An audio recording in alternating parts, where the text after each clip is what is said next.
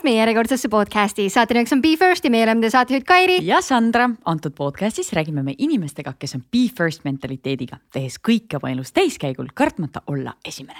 ja podcastis me püüame siis aru saada, kuidas nende inimeste kogemusi ja harjumusi oma elus rakendada paremate tulemuste saavutamiseks. ja täna oli meil väga lahe vestlus, väga sügav vestlus, väga palju ägedaid mõtteid. meil on külas treener, õpetaja, spordivaim ja mul on siuke tunne, et undercover filosoof ja võib täiesti olla. pange käed kokku, tehke kõvasti lärmi, tere tulemast saatesse Meelis Raiend. Sportland, Be First podcast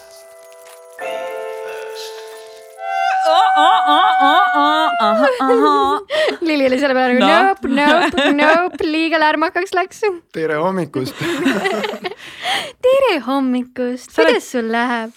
no nüüd juba paremini, ma sain magada päris pikalt, ma väga vajasin seda. mis see tähendab päris pikalt? no minu jaoks on ikka üheksa-kümme tundi väga palju, tegelikult mulle piisab väga palju nagu vähemast nii-öelda viis, viis-kuus tundi on ka tegelikult täiesti okei okay.. nii, aga millest see kümme tundi und, kust see vajadus tuli mm,? nüüd energiat taastada on ju, palju oled välja andnud endast ja siis on vaja nii-öelda korra minna koopasse peitu ja siis uuesti laadida ennast. väike talveuni. jah, noh väike selline väljavõte talveunest ja mm. -hmm väga äge, no ma loodan, et sa oled siis nüüd äh, puhanud, äh, pea töötab täiega, et oled valmis meie esimeste mänguks no kui ma siin olen, siis tuleb olla, enam pole valikut. sa oled seda ühe korra tegelikult juba mänginud, aga meil on sulle teised küsimused, nii et sa ei saa nendele samadele küsimustele kahjuks või õnneks vastata. nii et no. Äh, need, need introt ei hakka tegema, kes võib-olla, kes on esimesed äh, kuul-, esimesed kuulajad, kes on esimest korda meid kuulamas, siis me alustame alati ühe mänguga, meie alustame lauset ja sina lõpetad selle. sinu esimene unistus minu esimene unistus, mida ma mäletan, on äh, see, et ma soovisin väga pruuti, kes oli nagu paralleelklassis, keda ma nägin äh, koridoris kogu aeg lingi liikumas koolis, ma olin teises klassis, järelikult tema oli ka, aga võib-olla ta oli aasta noorem ma ei tea, ja siis ma tean, et see oli nagu kogu aeg mul peas juba siis nagu kaasas. Läksin koju ja unistasin sellest ja, aga, aga see on kõige varasem, mida ma mäletan. ja mis siis sai? ei no siis väga ei saanud midagi, sest äh, no lapsed noh, no need ongi need salajased unistused, et sulle keegi lihtsalt meeldib ja see võib-olla ongi nagu selle kogu asja võlu. et äh, nagu ei olegi vaja rääkida või nagu midagi teha koos, et see, see on, see on omamoodi võlu jah. just, nii ta jäigi unistuseks see on nagu tüdrukutel alati on mingite boybändide mingid plakatid ja unistad, et oo, kui ma kohtaks teda, siis ta oleks täiega mingi mu peikana. mul olid jalgpallurid on, to each his own on ju aga siinkohal äkki järgmine esimeste mängu küsimine, küsimus. Esimene hirm. No koolitrauma. Uh,. ma, ma tean, et ma sain koolis vist etteütluse sain kahe, võis olla ka teine või kolmas klass ja ma ei julgenud koju minna. Ja noh, see võib olla hea näide nagu sellest jah, nagu koolihirmust, aga ka võib-olla sellest, kuna toona, kui, kuidas toona ema nagu võib-olla nagu teatud asju võttis või milline tema siis nii-öelda see õpetusviis või minu kasvatamine siis oli, et sellega siis noh, ikkagi me oleme temaga rääkinud asjad selgeks lahti äh,, andestanud, mida on vaja, aga ja et, et siis ma ikkagi, mind ootas karistus ees kodus ja noh keegi ei taha karistada saada ja kui ma sain kahe, siis see oli katastroof. kusjuures ma isegi ei ole kindel, kas see oli kaks, see võis kolm ka olla. Oh my gosh. ja ema oli selle koha pealt nagu väga range. aga sa tundud väga terav pliiats, mis juhtus, et sa kahe said?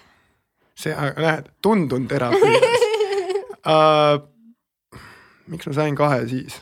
või kolme, sa ei tea. või kolme, tegelikult see oli kolm ja, ja, ja ema, ema, ema see joon toona oli ikka see, et no viied, neljad ja tuleb hästi õppida. ju läks midagi viltu, noh, ei osanud või siis, või oligi sama tüdruk oli peas jälle. et no ei mäleta, polegi vist tähtsust jah sa töötad äh, praegusel ajal äh, koolis õpetajana, kui palju sa näed praegusel ajal lastel taolisi hirme, kas see eksisteerib või on mingid muud asjad? ja ikka, ikka on neid hirme ja no need on, hirmul on hästi erinevaid nagu vorme on ju, väljendusvorme.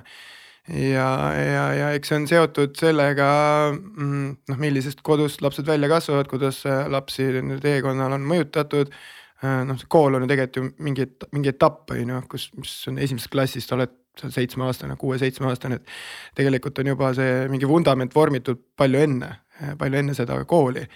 ja, ja kool on nagu või, võimendi, et see võib-olla lisab äh, mingitele hirmudele jälle uue kihi. siis see nagu kas kasvab või siis on koolis võib-olla ka inimesed, kes aitavad nendest pigem nagu vabaneda või neid teadvustada juba varakult, mistõttu on siis nagu väga nagu heade õpetajate vajadus väga oluline, kes mõistavad lapsi.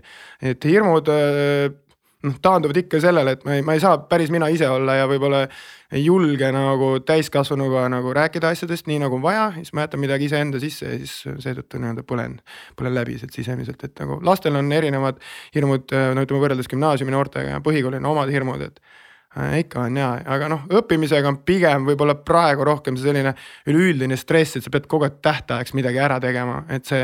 sul on nagu mingi ajavahemik ja see ongi see, mis seda survet tekitab, on ju. võta see, võta see ajavahemik ära või noh, tähtaeg ära sealt on ju, mis tegelikult mingil määral on vajalik on ju, ka nagu abivahend on ju, aga, aga kui sa võtad selle ära, noh natukese juba sa tunned, see pinge läheb vabamaks, sa saad, sul on nagu rohkem mänguruumi. aga noh, kas kõik on nii iseseisvad, et on, on valmis nagu neid asju tegema ära kas need huvitavad, aga see on nagu laiem teema, ühesõnaga ikka hirmud on loomulikult kogu aeg.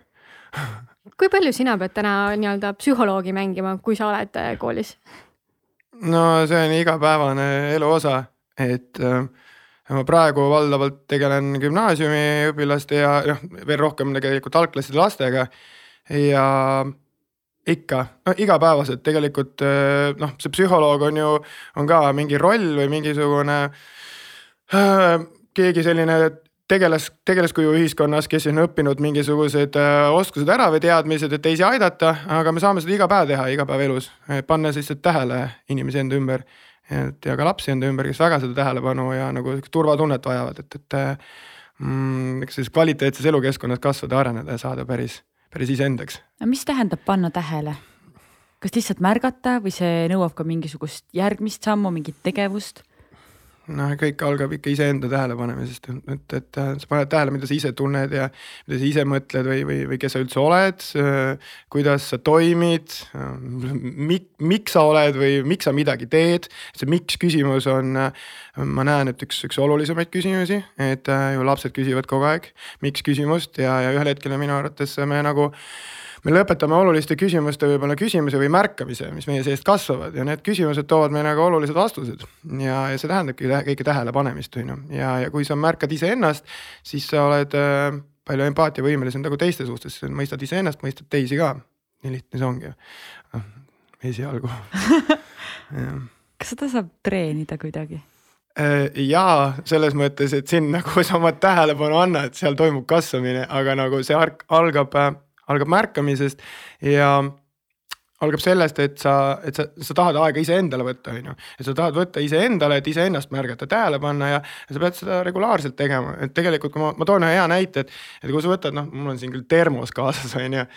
et äh, kui see on, oleks nagu tühi klaas ja mul on, mul on kann, on ju, kannus on vesi. ja nüüd ja sõltub see, et kuidas ma seda kannu nagu nii-öelda kallan ja kuidas ma hoian nii-öelda seda kannu ja seda tila, et sinna ju see vesi nagu voolab. meie tähelepanu, meie energia on täpselt sama asi, et seal, kus me hoiame nii-öelda konstantselt oma tähelepanu, seal toimub kasvamine. et sellesama nagu nii, nii-öelda selle tähelepanu kasvamine või see sügavus ka areneb äh, järjepidevalt, kus me, kui me seda hoiame kusagil on ju kindlas, kindlas punktis iseendal välisel maailmal ja kui me oleme aina rohkem iseendast, välisest maailmast äh, nagu teadlikud, seda, seda rohkem me elame kvaliteetset elu siis meid, meid ei mõjuta igasugused reaktiivsed protsessid nii-öelda noh, mingid välised terrorid ei kõiguta meid üle rivist välja, ka sisemised protsessid on ju, mingid negatiivsed mõtted ja emotsioonid, mis on kusagile talletunud, et need on raske juhtida või, või mõista või või, või tä, eh, nagu märgata, kui me ei ole, ei ole teadlikud nagu nendest protsessidest nii-öelda. et selle fantoomile tuleb nagu valgust tuua, jah tundub, et eh, see on mingi veidi, see, see, see tundub olevat veidike nagu superpower praegusel ajal, et inimesed kuidagi ei oska seda teha?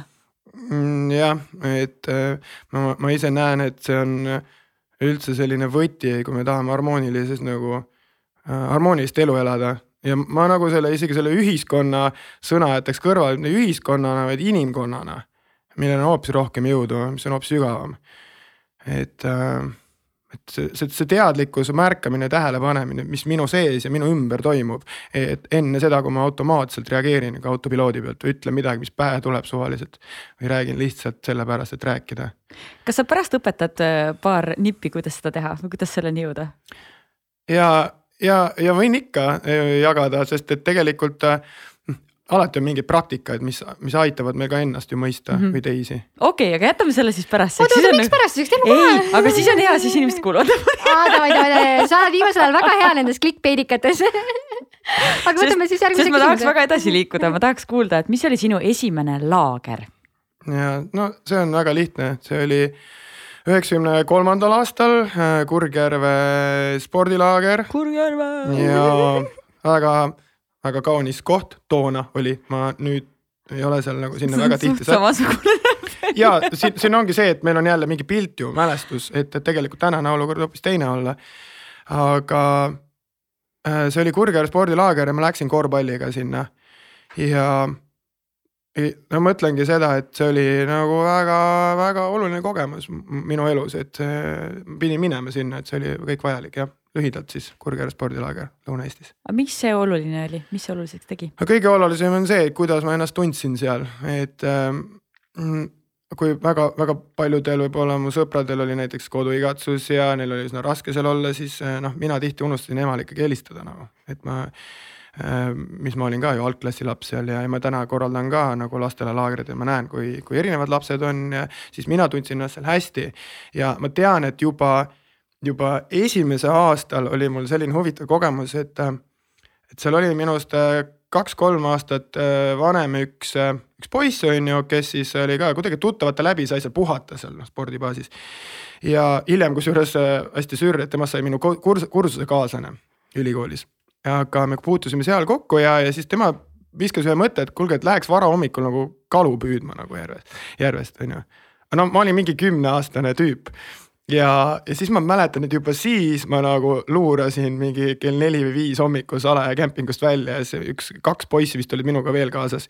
ja siis äh, sama äh, toonane hea sõber Kaur on ju, siis me läksime kala püüdma ja, ja noh, see seiklus nagu noor, noored on ju oma pead nagu salaja, kogu laager magab, kõik need direktorid ja bossid magavad ja, ja sa tegelikult seikled ja julged elada nagu ja noh, loodus, sportlased, inimesed, kes armastavad mängida, liikuda ja, ja, ja ma ei nagu mõned erandid välja jätta, siis ikkagi need, kes nagu spordiinimesed olnud, spordinoored on, on olnud nagu ehedad ja, ja, ja nagu lahedad ja need kõik kogemused, mis ma seal saanud olen, on siiamaani nagu kõik sihuke positiivses mälestuste pagasis.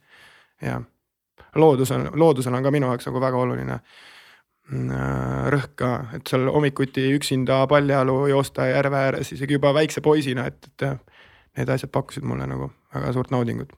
ja tol hetkel sa juba said sellest aru või sa praegu nagu tagasi vaadates Ta,? tajusin küll, et ma, ma olen osanud äh, üksi olla üsna väikesest peale, märgata loodust. Äh, märgata võib-olla midagi, mida, mida ma nagu ei mõistnud, miks teised ei märka mitte, et keegi halb oleks, aga kuidagi nagu ma sain aru, et, et jah, et see grupis olemine on ka tore, aga ma ikkagi väga palju otsisin sellist eemale minemist või, või, vahepeal kadusin isegi ära või selline. nautisin kusagil mätta otsas üksinda istumist, oma mõtete jälgimist või see oli üsna, üsna varakult tegelikult ja, ja ma arvan, et see on, see on kõigil on see, see nagu potentsiaal olemas. aga jällegi erinevad mõjutajad, miks, miks ei panda tähele neid asju enda ümber ma tahaks nii palju siit edasi küsida aga ma võtan siinkohal hoopis esimeste mängu järgmise küsimuse ja see on esimest korda, kui tundsid endas spordivaimu? noh, üks on see tänane spordivaim, mis on nagu välja kujunenud, et selline tea-, nagu teadlik sportimine, teadlik teiste juhendamine, õpetamine, aga, aga okei okay,, mul meenub võib-olla see mm, laagrikogemus sellel samal esimesel aastal ma, ma, ma ei olnud, äh, ma ei olnud korvpallis äh, nagu lapsena nagu väga hea, et pigem minu nagu areng oli aeglasem, et seal kui me oli kaksteist mängijat seal näiteks trennis, siis ma olin pigem võib-olla sihuke üheteistkümnes, kaheteistkümnes mees on ju. Äh, jällegi noh, lapseeas.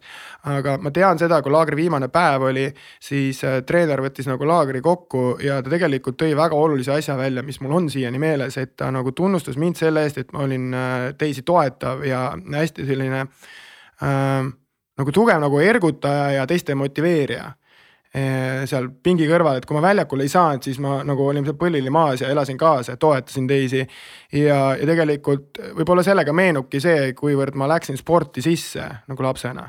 ja tegelikult see nagu see fanatism, ma arvan, saigi ikkagi selle jah, korvpallitrenniga äh, nagu sellise pika hoo sisse ja, ja lõpuks ju kooli tasandil äh, kui ma ise gümnaasiumis käisin, võib-olla siit ongi nüüd hea tuua, et kui ma täna töötan gümnaasiumi noortega, kes neid sündmusi korraldavad, siis tegelikult see spordivaim oli minu sees ju ka gümnaasiumis, kui ma oma sõbra Markoga neid mingeid vanu lauatennislaudu korda tegin ja taastasin seal mingeid sündmusi või mõtlesin uusi sündmusi juba toona välja, et et selline armastus spordi, spordi vastu jah, ma arvan, et see laagris, laagrielus nagu võib-olla sai kõige nagu suurema algusega, aga kõik see ma arvan, et sündides juba oli see sees tegelikult, see on ka nii-öelda kusagil geenides ju sees ja millal ta avaldub, noh.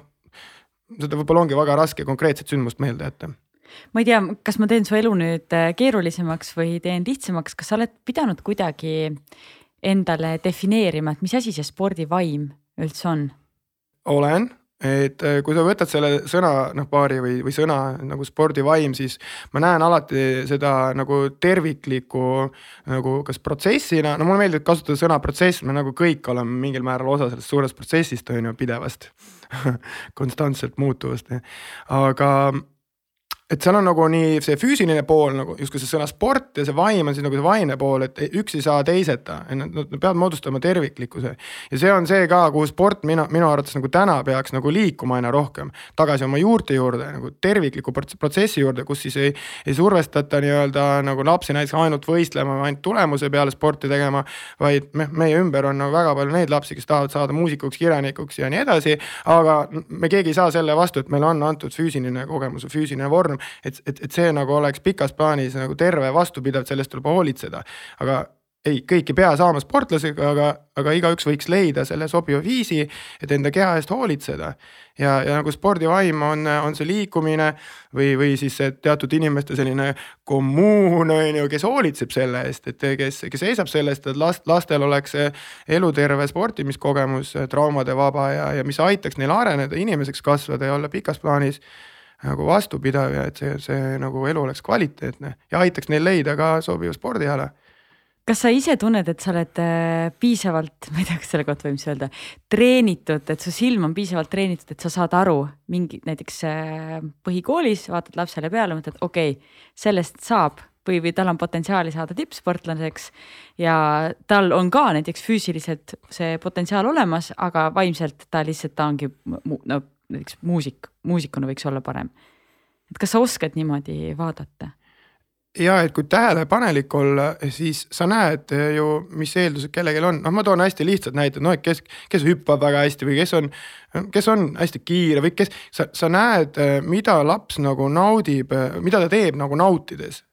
ja mida ta võikski tegema jääda, see ongi oluline, et et mõni, mõni on, mõnel on nagu käte koordinatsioon väga hea, on ju, mõnel on jalad, on ju.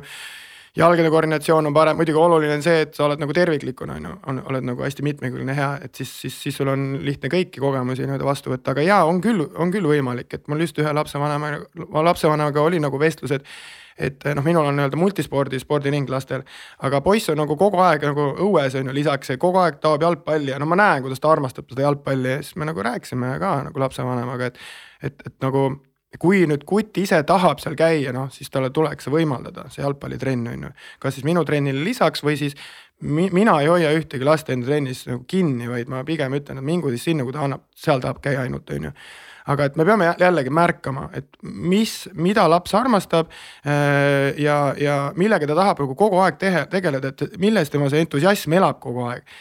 ja, ja siis juba saab arendada ju kõiki muid nagu, mm, nagu külgi ka tugevamaks, on ju et on need siis nagu füüsilised või füüsiline pool, on see siis nagu võib-olla, kuidas aidata keskenduda, on ju paremini, noh mingisugusele tegevusele et äh, näeb ära küll ja, ja vot hästi oluline asi, mis ma tahan öelda, on see, et äh, me, meie ei tohi panna oma filtreid peale.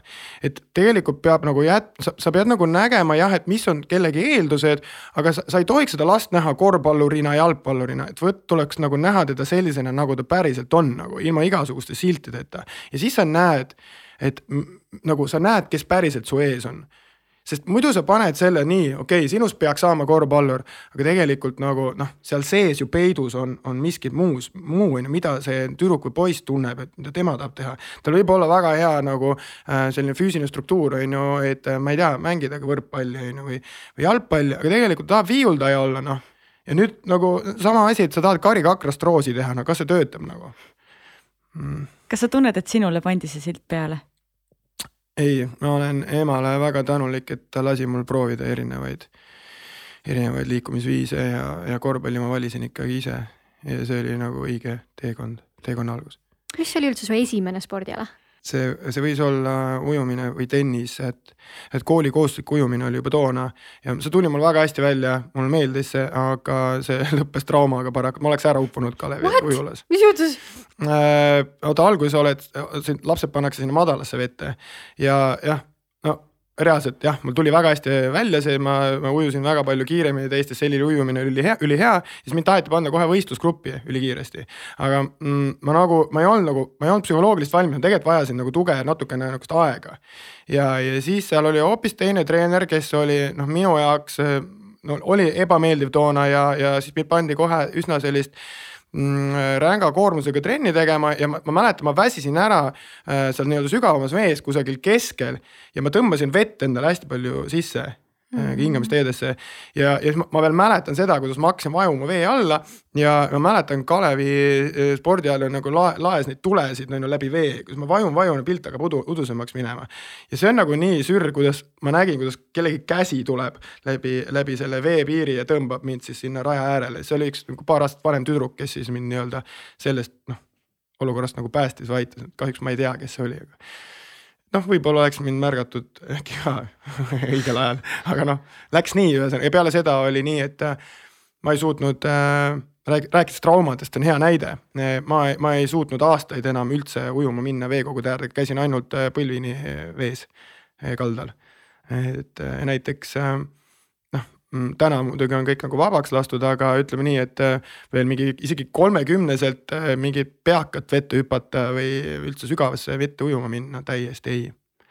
üks väike selline vale liigutus, kus tegelikult ju treener peaks nagu jälgima ja ja, ja nagu vastutama, aga noh, me täna ei tea täpselt, miks ta, miks ta nagu päriselt juhtus, ma olin nii väike, ma nii detailides ei mäleta, kedagi ei süüdista ja nagu kõik vabaks lastud, andestatud. aga kuidas sa sellest äh, välja tulid või kuidas sellest lõpuks üle said? Siis, kui sa nagu jällegi iseennast nagu paremini mõistma hakkad ja, ja saad aru, et nagu noh, sina ei ole sinu lugu, on ju, ja need kõik, mis need asjad, mis sinuga kunagi juhtunud on. et see sihukene õhk-õrn nagu taipamine, et, et oot, aga see oli ju siis, kui ma olin väike, aga ma ei ole seesama väike mina ju enam, et. et, et see tegelikult on mingisugune, mingi nagu mingi pilt, mis kuskil minu sees on, on ju, mingi mingisugune mälupilt. ja tegelikult ma võiks ju proovida uuesti ja nii järk-järgult on ju äh, siis veekogu, erinevates veekogudes seal on ju sügavale minnes, sügavale minnes, omas rütmis.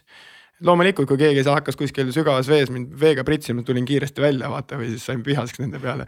sest noh, mul oli vaja rahulikult nagu nagu igasuguste foobiatega ka, sa, sa, sa ei saa plaksust, sa pead hakkama vaikselt, kasvõi mingi, okei okay,, ämblikutega halb näide võib-olla, et, et ei, aga nendega on samamoodi, vaatad kõigepealt pildi, pilti, enne kui sa üldse päris seda vaatad. just pilti, siis vaatad eemalt on ju, siis võib-olla keegi teine hoiab käes, et siis võib-olla võtad kätte. et äh, järk-järgult äh, ilma uue nii-öelda šokita, sest see tekitab jälle selle uue kihi, uue traumakihi ja see on, see on nii, see on nii peen nagu kunst mingil määral. et ja kannatlikkus, eriti kui juhendaja nagu keegi peab aitama kellelgi vabaneda mingist nagu traumast, siis peab olema kannatlik ja hästi selline mõistev jah. aga kas sina said sellega ise hakkama või sul ise. oli keegi, kuidas sa üldse jõudsid selleni, et, et nüüd ma, et nüüd ma hakkan, nüüd ma tahan sellest saada lahti ja mis olid esimesed sammud, sest et ma olen täiesti kindel, et selliseid inimesi on veel ja väga, väga palju, palju.. et kust, kust alustada? no tahe ujuda, et ma näen, et kõigil oli tore vaata vees. et noh, ma tahan ka aga miks, miks ma ei lähe siis nagu sinna sügavale vette? ma tahan ka, siis hakkan vaikselt proovima, väikeste sammudega. noh, tehke, tehke proovi, tasa, tasa ja targu, omas rütmis ja siis, kui sa oled valmis selleks, et et lastel trennis ka, noh, ma annan alati selle hingamisruumi, et kui kellega ma näen, et on olnud mingi ebameeldiv kogemus, mitte survestada. et äh, anda talle siis nagu äh, see ruum ja aeg, kui ta on valmis selleks nagu proovimiseks ja toetada teda selles. Ja üksi on muidugi raskem, kui sul ei ole toetavaid inimesi. eri, noh, ma ei räägi ainult ujumist no traumast või see võib hoopis hullemaid asju on ju, mis meil maailmas toimub, et see, see on tegelikult nii väike asi ju aga kas teised võiksid teada, et see on midagi, millega sa tegeled või see on pigem noh, ma saan aru, et see on väga individuaalne, mõned tahavad, mõned ei taha. et nagu arengu mõttes, ma siis mõtlen, et kui sa oled seal vees ja, ja nad hakkavad sind pritsima ja sa tegelikult, nad, nad ei tea, et nad midagi valesti teevad, aga see tekitab sinus nagu sellist veel suuremat ärevust ja soovi sellega mitte edasi tegeleda, et. no, nojah, aga kelle väljakutse see tegelikult on? et see ongi, see, see ongi minu väljakutse, et nagu see ongi kõige suurem äh, see kõige suurem väljakutse on selles nagu mingil määral crazy's maailmas, ma ei ütle, et mingi halb on, see sõltub, kuidas sina näed seda, on ju. kus, kus sina oled oma eluga ja kuidas sa liigud, just nimelt, kuidas sa näed, kas sa näed ainult halba või kas sa näed inimesi, kes sulle probleeme tekitavad. või äh, sa oled valmis ikkagi kogemused vastu võtma ja proovima uuesti, kui sa ebaõnnestud et isegi kui seal mingi kampaja sind narrib, on ju, ja, ja pritsib sind veega või tahab sind, ma ei tea, ära uputada, no mida iganes, no igasuguseid tüüpe on. et äh, noh, need errorid on nende sees, on ju, et, et, et sina pead ikkagi need väljakutsed ise lahendama ja, ja see on, ega see ei olegi lihtne, eriti kui on lapsepõlv olnud väga keeruline. aga noh, ma usun, et me kõik oleme mingeid põnevaid nagu siukseid edulugusid nagu lugenud või kuulanud, et äh, mul on ülihea meel, et neid aina rohkem jagatakse et see ongi ka see, mis äh, annab teistele nagu inspiratsiooni ja julgust oma teekonda ette võtta, neid nii-öelda kivisid ja kändusid ületada ja kui sa neid samme ei tee, siis sa jäädki nagu, jäädki kinni sellesse jah, jah no mul on hea meel, et sa ütlesid ujumisele jah, aga mis oli sinu esimene ei? no tead, teadlik ei nagu oli see, see, see, mis see esimene oli, see tõenäoliselt ei tule meelde. tõenäoliselt oli see mingi jonn emale vastu et no tegelikult väike laps ju, üsna väike laps juba hakkab tegema seda nagu, kui, kui panna tähele, et selline. eriti siis, kui selline ego hakkab kujunema välja, ego identiteet, et siis on nii palju seda protesti, et oma jonni nagu läbi suruda, aga. aga selline teadlik ei, ma arvan, et üsna hilises nagu eluetapis ähm, mm, selline jah, võib-olla siis, kui ma hakkasingi enda sees mingeid protsesse tähele panema, ma tundsin, et, et praegu minu aeg ja ma ütlen teistele ei, et see on nagu ülioluline ei ütlemine et vastasel korral me elame kogu aeg teiste elu, meil ei olegi võimalik sissepoole pilku pöörata. aga keeruline vastata nagu konkreetse kuupäevaga. ma arvan, et see oli alles äh, tegelikult kahekümnendate lõpp, kolmekümnendate algus, me räägime, nagu teadlikust ei-st, et ma olen teadlik, miks ma selle ei ütlen ja see on nagu selgemas selgem ei, mitte selline autopiloodi pealt mingi protestimine või võitlemine. aga kas sa oskad mõne näite tuua? et ma ei tea, sõbrad kutsuvad välja, sa ei lähe see või, või et. hästi lihtne, et kas me nagu paneme tähele seda, mida me sel hetkel tunneme. et, et, et kas see, kas see, kas see on nagu päris tunne, kui ma olen, olen täielikult kohal oma kehaga kontaktis, et kui keegi juba ütleb midagi, siis ma tegelikult mu keha reageerib sellele, on ju ja kui tegelikult ma tahan jääda rahulikult mingit, ma ei tea, kohvi jooma on ju, olla üks minu, minu aeg on ju, sest ma olen mingi mitu trenni andnud järjest on ju. ja, ja ma ütlen rahulikult ei, et see on, see on äh, see on aeg minule endale ja me saame alati teinekord minna, on ju. või, või siis on jällegi see, et mingi uitmõte tuleb pähe, nii. nüüd ma juba lähen autopiloodi peale või siis ma ütlen, tegelikult ma tahaks minna ja siis ma ütlen ei, sellepärast et mul on endal mingisugune vana pilt kaasas. et selle eristamine on hästi oluline, et mis on see õige tunde pealt ei ütlemine et, et see näide noh, ütleme laste puhul on hästi lihtne, no mul on näiteks, mul on kaks trenni, esimene on, ütleme seal mingi kell, kell kolm, teine kuskil kell viis. no teed esimese klassiga trenni ära, kõik on vägev, aga noh, sinna läheb väga palju energiaressurssi ja ma tean, et mul on sinna vahepeale pandud aeg, kus ma teen kas jõutreeningu. või ma teen oma mingi smuuti ja istun oma ruumis rahulikult, aga noh järgmine grupp juba on uh, ukse taga on ju kopsivad ja tahavad seal mingit juttu rääkima tulla. ja kui ma tunnen, et uh, see on see minu aeg, on ju, siis ma ütlen lastele ei ja nendel on vajalik ka see kogemus. mitte, et nad äh, kogu aeg äh, solgutavad seal ukse taga ja noh, lõpuks istuvad nii-öelda pähe, on ju, oma selle energiaga ja siis ei võida keegi, ei võida nemad, ei võida mina, on ju, et see järgmine trenn on selline piin kui mina taastun, siis nemad saavad hea trenni ja tegelikult ma räägin selle neile lahti ka alati, mitte et siingi ei pane uks kinni, mine ära, vaid nüüd lapsed, pange tähele, vaata mul oli nüüd üks trenn, ma olen siin ruumis omaette, näed, ma söön on ju, et aitad nendel märgata ja seletad ära, miks sa nii tunned. ja siis nad saavad ülihästi aru, nad ütlevad vabandust, panevad uksi kinni ja lähevad mängivad oma mänge. et selle, sellest nii-öelda õigest ei-st võidavad kõik, mitte ainult sina. seda on vaja öelda, seda on vaja julgemalt öelda, eriti paaris suhetes ka näiteks, täpselt samamoodi. see on, aitab mõlema poole arengule kaasa see tundub nii kummaline seletada nii detailselt kõiki asju lahti nagu inimestele enda ümber, et kuidas sa kõike seda jõuad ja kas sa alati jõuad? alati kindlasti mitte jah, et kui on hästi intensiivne päev, siis äh, äh, loomulikult noh, miks ma täna magasin kümme tundi, et see nädal oli, oli keeruline. oli nagu keeruline võib-olla nagu ka igas punktis, igas äh, igas hetkes nagu rahu, rahulikuks jääda on, see on üks asi, aga võib-olla kogu aeg kohal olla sada protsenti et ikkagi sul nädalas käib noh, üle saja lapse käib trennist on ju läbi, siis äh, ikka mingi hetk tulevad kõik kümnekesi küsima küsimusi, siis no ne nemad on ikkagi üks suuremaid väljakutseid jah, kindlasti. ei kogu, kogu aeg, ma arvan, et mm, noh me kõik võib-olla pürgime sinnapoole on ju, et, et nagu olla pidevalt nagu teadlikud kõigest, mis meie ümber toimub, on ju. või võimalikult paljust on väga hea öelda. aga, aga jah, ei, see ei ole lihtne me jõudsime esimeste mänguga ühele poole, aga enne kui me lähme podcast'iga edasi, siis sa mainisid paari asja, mis minu jaoks olid siuksed huvitavad terminid või kontseptsioonid, mida ma ei ole oma elus puutunud kokku, et sa ei ole sinu lugu, mida see tähendab? noh, lugu on, lugu on nagu mingi jutustus või olnud asi ju. et aga kus meie praegu oleme, et me oleme siin ruumis kolmekesi on ju ja, ja mina ise tegelikult ju olen see, kes jagab praegu ja võtab vastu uut kogemust praegu, kõik muu on olnud et see on, see on minevik, see on mingi, mingi, mingi lugu, mis on kuskil äh, nii-öelda kõva kettal mingites foldrites nii-öelda ja kui ma tahan, siis ma nagu vaatan tagasi mingitele mälestustele, lugudele, aga need ei tohiks meie peas kogu aeg nagu konstantselt ringi käia nagu meid juhtida uutes situatsioonides. näiteks kui ma annan äh, tundi ja ma võtan korvpalli välja, siis seal äh, ma näen, et õpilastel on juba mingid traumad aktiviseeruvad ja mingi korvpall. vaata, see on pall lihtsalt rahulikult, see on pall lihtsalt nii, kas sa oled valmis uut kogemust vastu võtma või see vana trauma võtab üle eh, kunagi mingi asi, mis on olnud ja nüüd hakkab juhtima ja juba loob uuesti sedasama eh, kogemust, noh tegelikult see on, läheb võib-olla peensusteni on ju ja tegelikult ta elab selles samas müras sees ja inimesed imestavad, miks nendega mingid sarnased asjad juhtuvad. et, et siit, siit, siit saab kõik alguse, peast saab kõik alguse ja me ise kordame need mustrid. aga nendest mustritest on äh, võimalik ka nii-öelda noh, nagu vabaneda või noh, õigem on öelda, nendest teadlik, teadlikuks saada.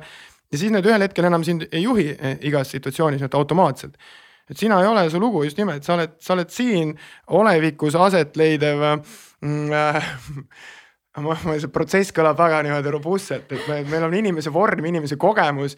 aga, aga me ei ole see, mis oli kümme aastat tagasi, et see on, see on, see on minevik no see tundub nii keeruline, kas ma, see tähendab, et ma peaksin iga hetk ennast uuesti defineerima, sest mulle tundub, et nii hea mugav on, kui ma tean, kes ma olen läbi nii-öelda kogemuste pagasi ja läbi ajaloo, et ma olen tõestanud endale mingisuguse asja, mis ma olen. ja kui ma peaksin seda igas hetkes uuesti tegema, ma oleks väga-väga väsinud uh,. no aga siit ma kohe küsin, kes sa oled siis ma olen inimene, kes on teotahteline, energiline, positiivne ja kes armastab elu ja kogemusi. see on, see on väga hea vastus, kas sa oled alati seda? üheksakümmend üheksa protsenti ajast. okei, okei, päris kõrge protsent, no siis on väga hea.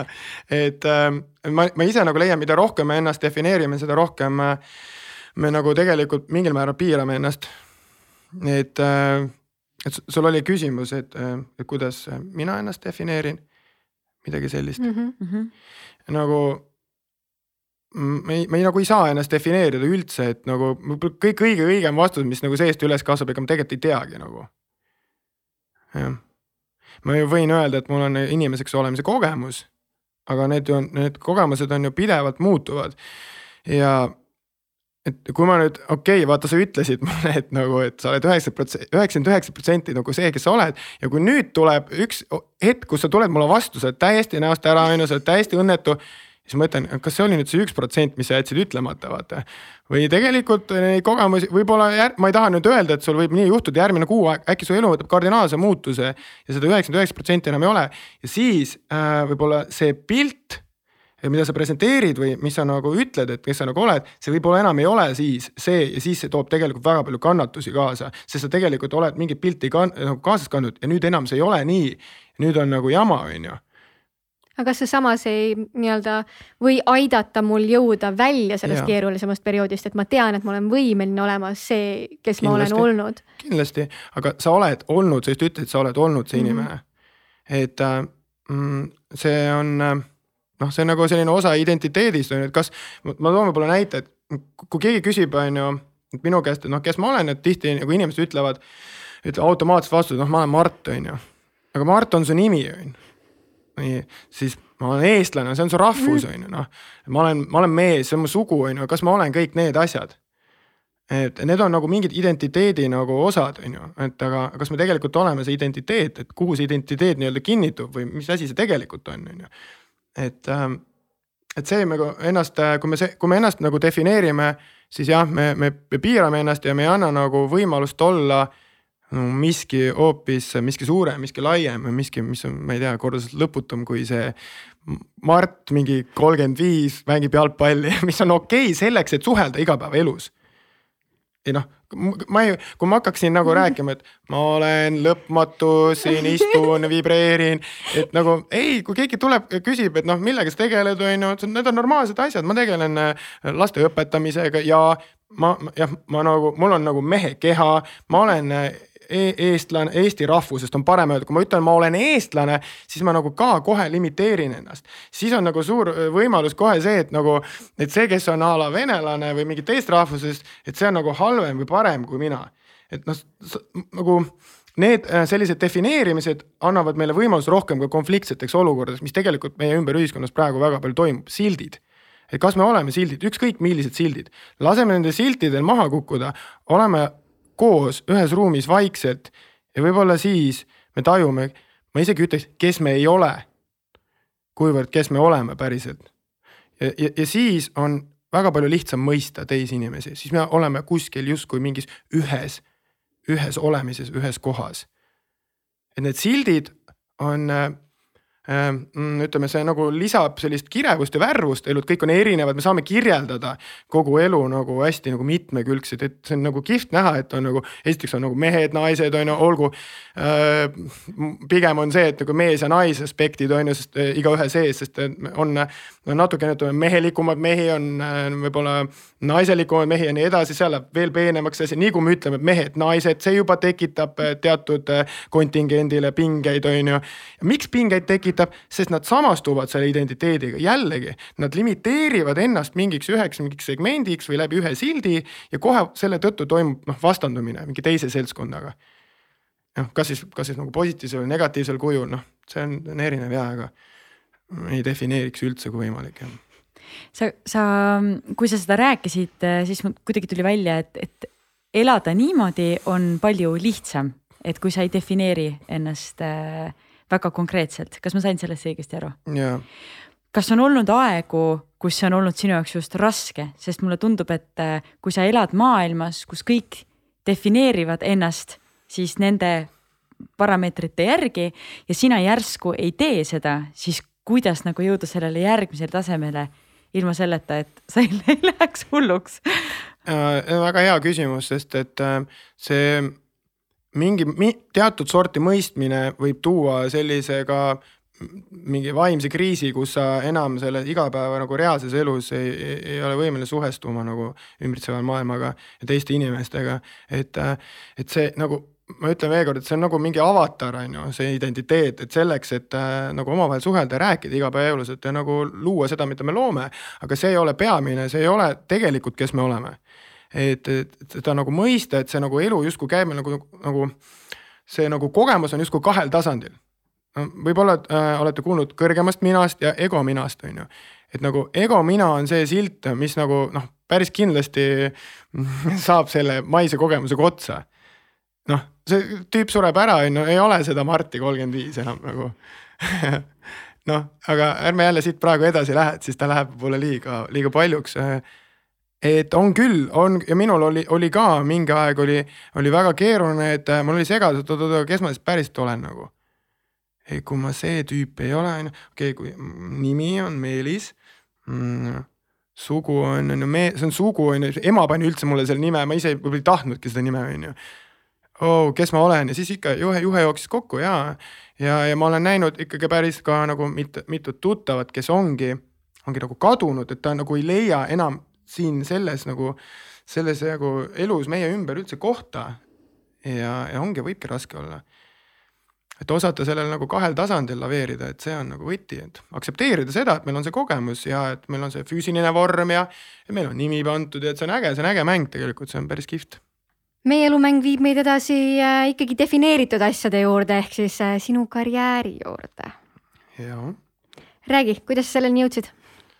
Mis puudutab koolielu mm, -hmm. hetkel koolielu jah nüüd vist viis aastat tagasi uh, oli siis see moment, kui ma, ma olin selleks hetkeks, kaks tuhat kuusteist äkki, ma ikka paar aastat olin võtnud niimoodi aja täiesti endale. no oligi ilmselt see etapp, kus, kus oli sellist sisevaatust palju ja jalutamist ja lugemist ja meditatsiooni ja, ja üksi olemist ja siis ma, ma tundsin, et nagu just sama, jõuame ringiga tagasi, et ma nagu lihtsalt nagu olen ja kulgen, aga ma nagu tegelikult äh, olen väga paljude inimeste jaoks nagu kadunud ja ma ei anna tagasi. Ja siis, siis ma nagu ühel hetkel taipasin, et kuidagi nagu hea tunde tekitab see, kui sa kellelegi nagu annad midagi, et see nagu nii-öelda teiste, teiste eest hoolitsemine või teiste teenimine on hea sõna, eks teiste teenimine. ja ma nii tundsin, et ma tahan, ma tahan õpetada, ma tahan oma kogemusi jagada, kõike, mis ma võib-olla läbi spordi olen õppinud, noh, toona võib-olla eelkõige just sellises psühholoogilises võtmes, vaimses võtmes, et äh, mida ma olin oma varasemast äh, elus nagu märganud, tähele pannud, noh, laagrites, trennides, äh, seal korvpallitreenerina, korvpalliliidus. Et kõik need kogemused nagu õpetasid mulle noh, nüüd ongi, et kes, kes ma nagu siis ei ole või olen selles kogemuses või minu, minu teekond ülesanne on läbi mille, läbi spordi aidata teistel areneda. ja, ja, ja võib-olla natukene seda spordi nagu vormi või kuju äh, ka suunda siis noh, natukene nihutada, võib-olla muuta sinna suunas, kuhu elu tervikuna liigub nagu, et see, see kõik nagu peaks voolama nagu mm,. peaks voolama sellises loomuslikus rütmis, kuhu me kõik liigume, mitte ei peaks olema kuskil vanas kinni, mingis aegunus nagu aegunus õpet, aegunud õpetustes või, või arusaamades. jällegi mitte õige ega vale, vaid et, et mis täna on nagu vajalik inimestele, mida inimesed tegelikult vajavad ja ma tundsin, et äh, ma tunnen ennast väga hästi äh, lastega koos tegutsedes, sest mul oli ju laagrite korraldamise kogemus tegelikult juba enne, kui ma tegin korvpallilaagreid. ja, ja siis ühel hetkel noh, nüüd see on see elu müstiline pool, et et sa nagu tõmbad ikkagi ligi mingeid situatsioone, need protsessid, mis su enda sees toimuvad, on ju, need aktiviseeruvad eh, muutuvad aktuaalseks nagu nii-öelda välises maailmas ka. ja, ja siis äh, mu kunagine kooliõde äh, Kristel, kes siis äh, Tallinna kolmekümne teises keskkoolis huvijuhina tänaseni tegutseb, kirjutas mulle, et kas ma tean kedagi, kes tahab tulla kehalise õpetajaks Tallinna kolmekümne teise keskkoolis, nagu ega ma pikalt ei mõelnud, ma ütlesin, ja ma tean küll, et mina tahan. Nii, nii ta sai alguse. Huvitav jah. Kuidas sa ise tunned, et äh, sa tahad, on ju, teenida inimesi, aga mis on noorte jaoks üldse kõige olulisem või inspireerivam õpetaja juures? olulisem on see, et no õpetaja on ise see, mida, mida ta teeb või, või mida ta siis äh, propageerib või et ta, ta ise on nagu sada protsenti selles sees, on ju, et, et, ähm, et kui ma, kui ma tulen, äh, ma ei tea, spordist rääkima, aga tegelikult mu, mu sees on mm, soov äh, hoopis muusikaga tegeleda või millegi muuga, siis noh, inimesed alateadlikult tajuvad seda, et nad näevad, et tegelikult ma olen vales kohas. ja, ja see, see väga ei müü. et, et, et ma pean, ma pean ikkagi olema see, mida ma teen ja ma pean seda väljapoole näitama, et, et äh, ja ma, ma pean mõistma seda, et mul on väga suur vastutus, mis ei tähenda seda, et õpetaja võiks olla mingitel hetkedel nõrk või väsinud või. ja ma, ma, ma näen, et seda on ka oluline nagu välja näidata ja ma olen tegelikult siin äh, noh, näiteks viimane aasta on olnudki keeruline ja ma olen ka õpilastele öelnud seda, et noh, ma lihtsalt äh,, mul on ka õpp, õppida nagu elust kogu aeg ja midagi teisiti teha ja võib-olla mingites situatsioonides veel nagu selgemalt ei öelda ja ja, ja tulebki aus olla ja ma arvan nüüd siit edasi ausus äh,, usaldus, empaatiavõime, et kõik, äh, et, et, et kõik see on olulisem kui võib-olla need nagu praktilised tegevused. et, et kui õpilased tulevad tundi, siis nad näevad, et ma olen sada protsenti nende jaoks olemas ja et ma aktsepteerin neid sellisena, nagu nad on mitte ei hakka muutma neid kellekski teiseks või ja, ja lisaks ei hakka neile mingit karpi nagu peale suruma vastu nagu nende tahtmist, mis on koolisüsteemis täna nagu üsna suur väljakutse võib-olla kehalises kasvatuses mitte nii palju, et ma näen, et kehalise õpetajal on nagu rohkem mänguruumi, ainult võta ja tee.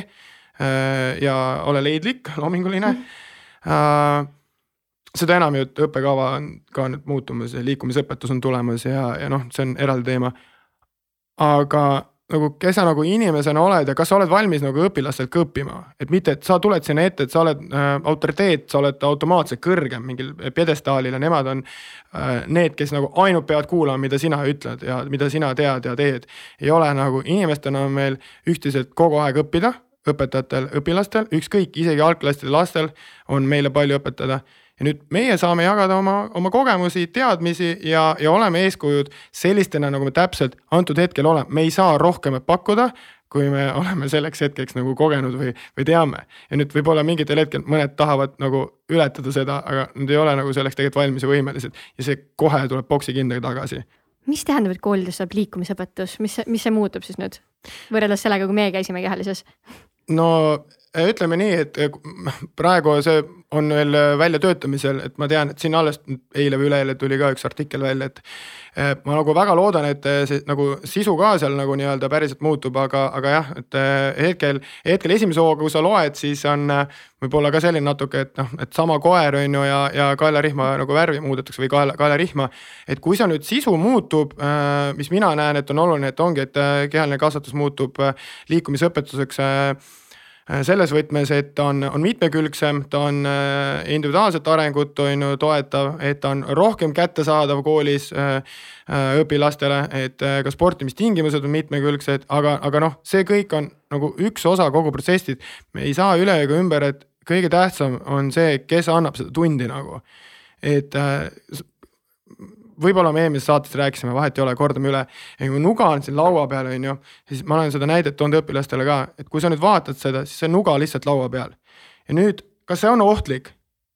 ta on lihtsalt nuga laua peal, millal ta ohtlikuks saab, on siis, kui keegi võtab selle kätte, aga ka mitte alati nüüd sõltub, kes selle kätte võtab, mis motiividega ja nüüd see liikumisõpetus või kehaline kasvatus, et loomulikult seal saab nagu lihvida mingit äh, struktuuri või vormi või seda tööriista, parem käepide on ju, et võib-olla teritada paremini, et ta paremini lõikaks.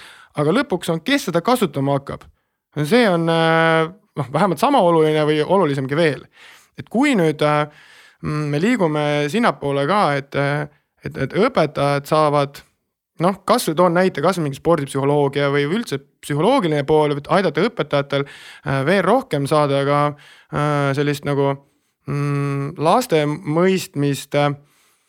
kuidas ma ütlen, et nad paremini mõistaksid lapsi, on ju, aga noh miski, mis aitaks neil ennast paremini mõista inimesena, et nagu, aga, aga see hakkab ikkagi igast ühest iseendast ja see on nüüd see pikk protsess, kus me kõik koos oleme. ja nagu see on saab täpselt sama asi, mis siin toimub praegu ka äh, noh, meedias, mis me näeme, see sihuke C-sõnaga asi on ju mm., ärme detailidesse läheme. see on täpselt sama asi nagu, see on täpselt sama asi, mis kooli tasandil mingi õpetamine. see, kuidas me maailma näeme, kas me oleme vastu, valmis vastutust võtma selle eest, mida me usume, mida me mõtleme, kuidas me teistega räägime, kuidas me reageerime siis muutub ka, ka koolielu, siis muutub ka see, kuidas õpet-, õpilased ennast tundides tunnevad, kas nad tahavad kooli tulla.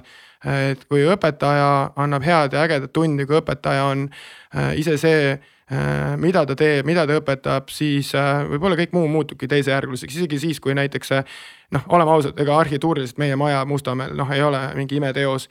aga see kõik muutub teisejärguliseks ja siis võib olla ka mingisuguses suvalises betoonmajas nagu meeldiv nagu tegutseda, kui inimesed loovad seal nagu meeldiva õhkkonna ja ja, ja nii ongi noh. kas äh, vanad karud on veel võimalik äh, tantsima panna? noh, karud, see on huvitav, et karu võib-olla saab, aga inimesega on võib-olla teistmoodi et ei no kui ta tahab jah, et äh, kui, kui nüüd, kui ma ikkagi jääksin inimese juurde, ma saan su sellest mõttest aru ja kui ta tahab, et siis see on ikkagi alus, ega sa välist, välist maailma ei muuda, ikkagi võtame vastu iseenda eest, muutume ise ja siis. ja siis võib-olla need äh, niinimetatud vanad karud äh, ka suhtuvad meisse teistmoodi. kas nagu täiesti ausalt, sa, sa kindlasti tegeled äh, just selle kehalise kasvatuse teemaga natuke laiemalt ka kui ainult oma, oma kooli tasemel. ja sa kindlasti puutud kokku teiste õpetajatega, ma ei räägi ainult kehalisest kasvatusest, aga ma räägin ka üleüldse. kas seal üldse on sellist soovi innovatsiooni või on seal soovi neil ennast muuta või oma kuidagi oma vanu mustreid äh, muuta või õpetamise viise muuta? ja ikka on ja see üldse ei sõltu sellest, et keegi on noor või vana et äh, see on ikka täiesti individuaalne, et äh, milline selle inimese lugu on, kes ta täna, tänases hetkes on ja kas ta on äh, valmis olema nii-öelda avatum ja valmis nägema nii, niinimetatud suuremat pilti, mitte siis ainult läbi oma filtrite, mis, mis on kusagilt jälle nagu seesama lugu, mis me rääkisime, et et see mingi niisugune võib-olla kakskümmend, kolmkümmend aastat vana lugu kogu aeg käib peas ja järgmine aasta jälle käima, järgmine aasta jälle käima samamoodi, et, et on näiteid väga lähedalt tuua, kus äh, ütleme ka kõrgemas eas õpetajad on tegelikult äh, väga valmis uuendusteks ja vähemalt kuulama ära ja märkama ja mitte olema nagu kibestunud, kui keegi teebki mingit ägedat asja nagu. et äh, see on, see on kihvt. kui palju noored ise seda muutust saavad esile kutsuda, et õpetajad oleksid paremad selles, mis nad teevad? andes ausat tagasisidet, et julgeda öelda välja oma mõtteid ja, ja, ja ütleme nii, et ka küsida küsimusi. ma mäletan, ma ilmselt tõin eelmine kord selle olulise küsimuse välja jälle, mis on miks küsimus, et kui õpetaja annab sulle mingi ülesande, see tundub sulle veider ja sul nagu endal kerkib see küsimus üles, et miks ma pean tegema seda, siis see küsimus on õpetajale et ära jäta see, ära jäta seda küsimust iseenda sisse, enda pähe. küsi õpetaja käest ja kui õpetaja ei oska vastata, siis ta ei tea, miks ta sulle seda nagu õpetab ja, ja see nüüd ei ole nii-öelda õpetajale ärapanemise koht, vaid et, et võib-olla see nüüd kui nüüd õpet-, nüüd me jõuame olulise momendini, kui nüüd õpetaja on valmis muutusteks, siis ta jääb korraks vait ja ta võib-olla paneb tähele, et tegelikult see ongi jama, mida ta seal tunnis teeb nagu. see on, see on näide, keegi ei pea ennast isiklikult võtma, et äh, lihtsalt äh, kuulake õpilasi, pange tähele nende mõtteid ja ja siis äh, on võimalikud ka muutused, muidu me kogu aeg kordame sedasama mustrit ja, ja ka ega, ega mina ka mingitel hetkedel võib-olla jätan mõne olulise mõtte tähele panemata, aga ma, ma tean, et ma olen õpilastele öelnud seda, et et öelge välja julgelt ja ausalt, mida te tunnete ja, ja ma pean need mingid asjad alla neelama, kui ma tunnen, et see on nagu. ma olen olnud pime mingitel hetkedel või ma võib-olla teen mingit, mingeid samme ebateadlikult no sinu lähenemine on paratamatult äh, natuke teistsugune, millega võib-olla suurem osa inimesi on harjunud kas sa oled saanud ka teiste õpetajate käest kuidagi mingit sellist tagasisidet, et, et noh, et see ei ole võimalik või et, et või et ah, et ma ei tea, sul seal on nii lihtne, et sul on kõik võimalused olemas, et, et mit, mida nagu teiste, teiste poolt öeldakse nagu ma ei tea, kas vabandusena või põhjendusena, miks? ja ei, ikka on olnud erinevat tagasisidet ja eks nad äh, nagu jällegi noh, nad näevad äh, maailma nii, nagu ta antud hetkel näevad ja, ja, ja paratamatult, et kui sa, kui sa teed nagu mingi näiteks sündmuse või mingi projekti, kus sa näed, et õpilased on õnnelikud ja neil on hea olla ja nagu keegi tuleb ja, ja ütleb, et see on nagu noh, ma ei tea. annab mingi, võtame üldiselt mingi negatiivse tagasiside nagu, nagu siis, siis äh, mulle tundub, et selle konkreetse inimese sees on nagu midagi katki. ja, ja kõik, mis sa saad tunda, saad nagu kaasa tunda, tema ju kannatab tegelikult et äh, mingid hetkedel muidugi nagu äh, sa nagu võib-olla oled ise vahel väsinud ja siis äh, noh, sa tegelikult sa ei pea kellelegi õigustama nagu mitte midagi, kui sa, kui sa teed nagu seda, mis sinu ülesanne on ja sa, sa tead, et need, kellele sa teed, nagu naudivad seda ja kui see üks-kaks inimest on pahased, siis äh, noh, kaastunne. Ja võib-olla nad mingil hetkel näevad, et tegelikult nad ise ka võidavad sellest või, või äkki on seal midagi märgata, endale võtta, noh mis on üldse spordivaimu nii-öelda fenomen, sest ma olen ise näinud lihtsalt, kuidas inimesed täiesti transformeeruvad, kui nad tulevad sinna kooli ja järsku armastavad sporti nii meeletult. mis selle fenomen on? aga võib-olla nemad nagu peakski seda ütlema. võib-olla, võib-olla see ongi kõige parem, et äh, ma, ma tean, et siin oleks hea nagu välja tuua mingid momendid, aga. aga mida sa kõrvalt näed? ma, ma näen seda, et see on see, mida noored lapsed vajavad praegu. no kõige lihtsam vastus. mis see see on? Äh, no see protsess sellisel kujul, nagu ta on, no sa tahad konkreetsemaid vastuseid, on ju. ma lihtsalt et, selles mõttes, et ma arvan, et on inimesi, kes, kellel ei ole õrna aimugi tegelikult, millest me praegu räägime, et mm, -hmm. et võib-olla sa natuke lähed siia sisse, et mida, mida spordivaim üldse teeb. ja siis, siis lähme Äh, no, no spordivaim on täna tegelikult võib öelda, et ta on mingil määral juba nagu klubi kus siis on laste spordiringid, spordivaimu laste spordiringid, kus on täna siis juba sada kolmkümmend last, ehk siis on esimese klassi laste grupp ja nii edasi kuni neljanda klassini. poisid-tüdrukuid segamini, multisport jah, et äh, on, äh, mina näen, et väga oluline, et lapsed selles vanuses ja veel nooremanagi äh, proovivad võimalikult erinevaid palju nagu liikumisviise. ja, ja läbi selle siis arenevad mitmekülgselt ja leiavad oma, oma, oma selle suuna, oma teekonna. ma vahepeal küsin vahele, kas ja. see on kehalise kasvatuse raames või see on nagu eraldi? Äh, see on eraldi, see on äh, äh, spordiklubi nagu kooli kõrval põhimõtteliselt, antud kooli lastele. ja, ja teine selline siis nagu no alajaotuse alategevus on siis spordiaktiiv, kus siis on gümnaasiumi noored, kes siis korraldavad kooli spordielu, spordisündmuseid, aktiivseid vahetunde ja nii edasi.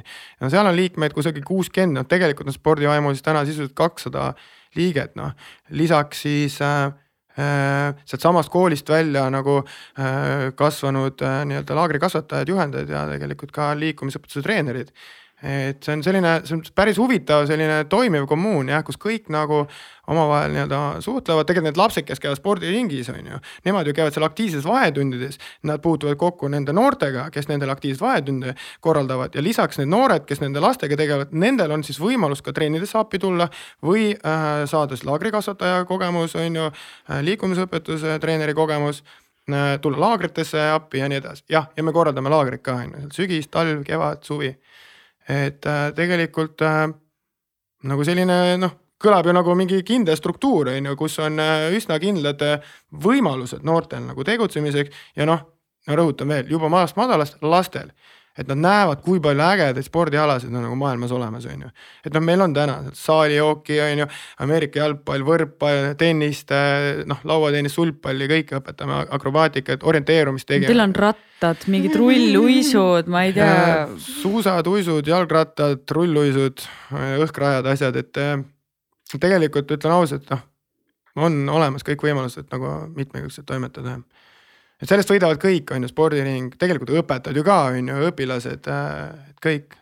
aga mis see fenomen siis ikkagi on, need ei ole ju need asjad või on need nüüd siis inimesed või?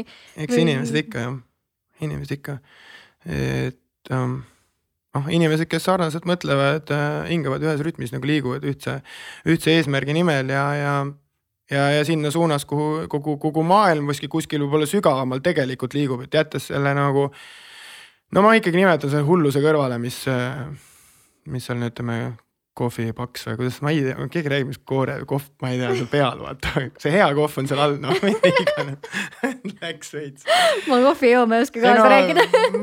Öeldakse, vaata, koorekiht ja siis on see kohvipaks, et, et tegelikult äh, jah, et on, on, meil on nagu niisugune universaalne rütm, noh, nagu võime ju nimetada ka loodusega ühes rütmis siis noh, et, et tagasi juurte juurde. Et äh, loomingulisus, mäng, mängulisus, noh mitmekülgsus, kõik on sellised võtmesõnad. ja, ja arvestada individuaalset nagu sellist kulgemist või individuaalset äh, füüsilist ja, ja vaimset struktuuri igaühe puhul on ju, et, et mitte nagu mitte suruda peale midagi, mis, mis mingi mälupilt sinul on või mingi midagi, kus sulle on kunagi räägitud ja tegelikult sellele inimesele üldse ei sobi see asi noh.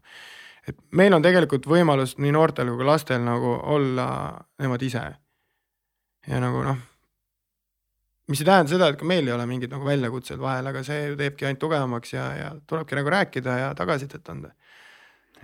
See tundub ikkagi nii äge, kas seda saaks kuidagi veel suurema skaalaga, et, et nagu iga nii-öelda lapsevanem saaks ikkagi oma lapse panna sellisesse trenni, kus ongi samasugune mentaliteet? no siis, siis kui äh, tekib võib-olla teistes koolides ka nagu selliseid võimalusi juurde ja tegelikult äh, täna aina rohkem. oota, sorry, ma tahan öelda vahepeale, minule tundub, et teie koolis ei ole need tekkinud, vaid see on tekitatud. jah, ei no mõlemat ju, et äh, tekkimine ja tekitamine on nagu ma ütlen kaks ühes, et peab tekkima, aga keegi peab nagu tekitama mitte midagi ei teki, no okei okay,, mingid asjad, seened tulevad ilmaasjad niisama no,, aga ju, seda ju. mingit suurt äh, välikossu väljakut ei oleks lihtsalt niisama tekkinud, kui ei oleks olnud inimesi, kes poleks seda teinud. no seda küll jah, et vaata, juuksed kasvavad ise ja küüned yeah. kasvavad ise, hingamine leiab ise, ise aset, on ju. To some extent mõned juuksed enam ei kasva, tuleb tekitada kolm punkti või uh,? nagu Sorry, et ma sisse krassisin, Ei, no- ma lihtsalt tahtsin seda öelda. jah, just, et äh, muidugi, et mingil hetkel on ju, vaata, meie nagu pähe tulevad ju mingid ideed.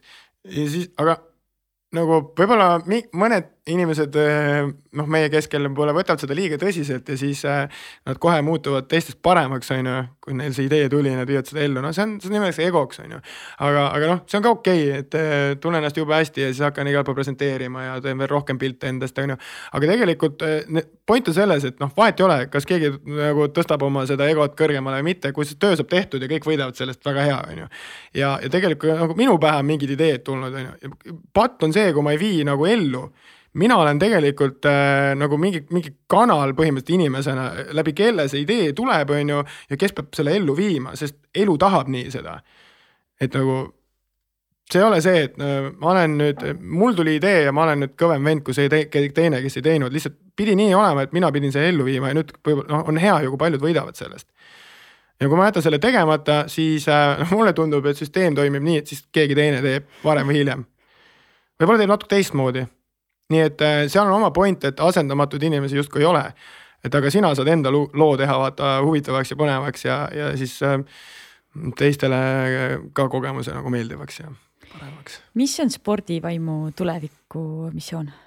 no ütleme nii, ma korra puudutan seda struktuuri poolt, et äh, noh, tegelikult võiks ikkagi seda sõnumit äh, äh, laia, laiemalt äh, nagu levitada, et ma tunnistan, et ma ei ole olnud nagu väga edev, et selline noh, turunduspool vajab äh, rohkem tähelepanu võib-olla isegi ka kaasabi, et kui sa oled äh, seal trennis, annad, annad, annad nagu trenne ja organiseerid praegu sellist nagu praktilist poolt väga nagu vahetult, siis on nagu raske samal ajal turundada ja teha kõike seda muud ka, ma ütlen, tunnistan ausalt. et, et jõuda ja presenteerida meie seda nagu ülesehitust ja, ja seda nii-öelda kontseptsiooni kõik, kõikjal mujal ka ja jumala eest, kes tahab äh, ja leiab, et see on nende jaoks ka nagu hea toimiv asi, siis äh, kui keegi kusagil veel ühes koolis mingi sellise asja püsti paneb, noh kihvt. et, et see turunduspool on oluline, et jõuda nii-öelda noh, missioon jõuda paljude inimesteni, et, et kõik sellest nagu võidaksid aga, ja noh, ja siis sellega seotud on nagu visioon, et me näeme, et, et äh, kõikidel lastel on, äh, ma ei tea, iga kooli juures on, äh, on selline spordiklubi, kus on võimalik siis hästi-hästi palju proovida erinevaid huvitavaid liikumisviise. kus on siis õpetajad, treenerid, kes on nende jaoks nagu sada protsenti olemas on empaatiavõimelised, on, on ka mitmekülgsete äh, kogemustega, aga on ka, on äh, kogu pidevalt arenemisvõimalused, uuendu-, uuendusliku, noh uuendusliku mõtlemisega on ju, et nad ei jää kinni mingisse protsessi, rutiini. et mida laiem see on, seda parem noh, et ähm, ja muidugi siuksed praktilised pooled, et, et kus nagu seal laagreid korraldada erinevates kohtades ka, et veel nagu mitmekülgsemaks minna ja aga mitte jälle liiga laiali ei tohi ka minna, et eks meil on ka mingid valikud ikkagi tehtud ka, et nagu spordialad, vaata, mida me õpetame, et noh, sa mm, -hmm. kui sa annad lõpuks mingit kolmekümmet ala, siis see juba ei ole enam ka mõistlik, et. et jaa, et, et praegu nagu võib-olla number üks on tõesti sõna levitamine, et ei jääks kinni ainult ühte nagu kooli, et ähm, on, on vaja jah see tundub päris korralikult tööd nagu tegeleda kõigi nende noorte, kõigi nende lastega, siis selle missiooniga kuidas sa selle kõige kõrvalt suudad oma vaimset tervist hoida, eriti arvestades, et sa ütlesid ka just, et see aasta on olnud äh, raskemategi last? no oleme ausad, siis äh, ega praegu ongi see koht käes, kus äh, tuleb äh, muuta nagu midagi, et äh, nagu üks asi on delegeerimine, on ju. ma jagan lahtiste kaartidega, et julged delegeerida nagu ülesandeid ja anda võimalus veel rohkem võib-olla seal noh, noortel nagu mm, e-, e-, eneseteostuseks. Mm, aga noh, sa näed, et mingid asjad peavad ikkagi läbi sinu käima, et, et et kuidas ma enda vaimset tervist mm, turgutan, no see on see number üks hakkab sellest samast ei ütlemisest, et nüüd on minu aeg ja, ja pikad jalutuskäigud, meditatsioon, toitumine äh,, hea uni äh,. mingi võib-olla üks-kaks inimest, kelle, keda sa, kes sinuga nii-öelda resoneeruvad samal lainel, saad nagu mõtteid jagada, kui on vaja ja. et üldiselt lihtsad asjad, puhas toit, hea uni ja selline meditatiivsed pikad jalutuskäigud looduses. jõutreening on ju, on ka vajalik, et äh, ega lihtsad asjad ja kui pea, kui peas nagu väga palju nagu sellist müra ei ole, vaata, et see nagu mõistus nagu väga niimoodi kogu aeg konveieril ringi ei käi, ega siis tegelikult seda energiat on nagu et ta, ta, ta ei kulu nii palju, ma ütlen ausalt, see on, see on hästi sürr, mis oli nagu kunagi, ma olin noorem. mida ma oma peas mõtlesin kogu aeg, iga päev nagu appikene, no ma täna nagu kõik, ma täna võimalus siin saates öelda, et kõik nagu naised, kellega ma olen nagu suhtes olnud, no ma ei tea, esiteks andke andeks kuidas ma olen nagu, ma ei tea, käitunud, mis kõik on keelele tulnud ja välja öelnud ja, ja, ja samas nagu ma ütlen ausalt, et see, see, see, see, see, see ei ole nagu, see ei ole nagu päris mina olnud sel hetkel, et see nagu jama, mis siin pähe tuleb, on ju kõik mingid kompleksid ja mingid lollused ja need sai kõik välja öeldud ja nendega oled nii palju paha iseendale teinud ja teistele ka. ja tegelikult kogu aeg iseennast nagu kulutanud ja, ja kui palju see väsitab ja kui palju seda energiaressurssi läheb sellele mõtete nagu konveierile et kui sa nagu oled võimeline sellest nii-öelda välja astuma, oma mõtteid kõrvalt nägema, siis äh, nad ühel hetkel aina rohkem lahustuvad, lahustuvad ja siis on nagu ruumi nagu päris mõtetele, sellistele nagu, nagu loomingule ja sellele, mida sa nagu tegelikult teha tahad ja siis, siis, siis sa nagu väga ei väsi.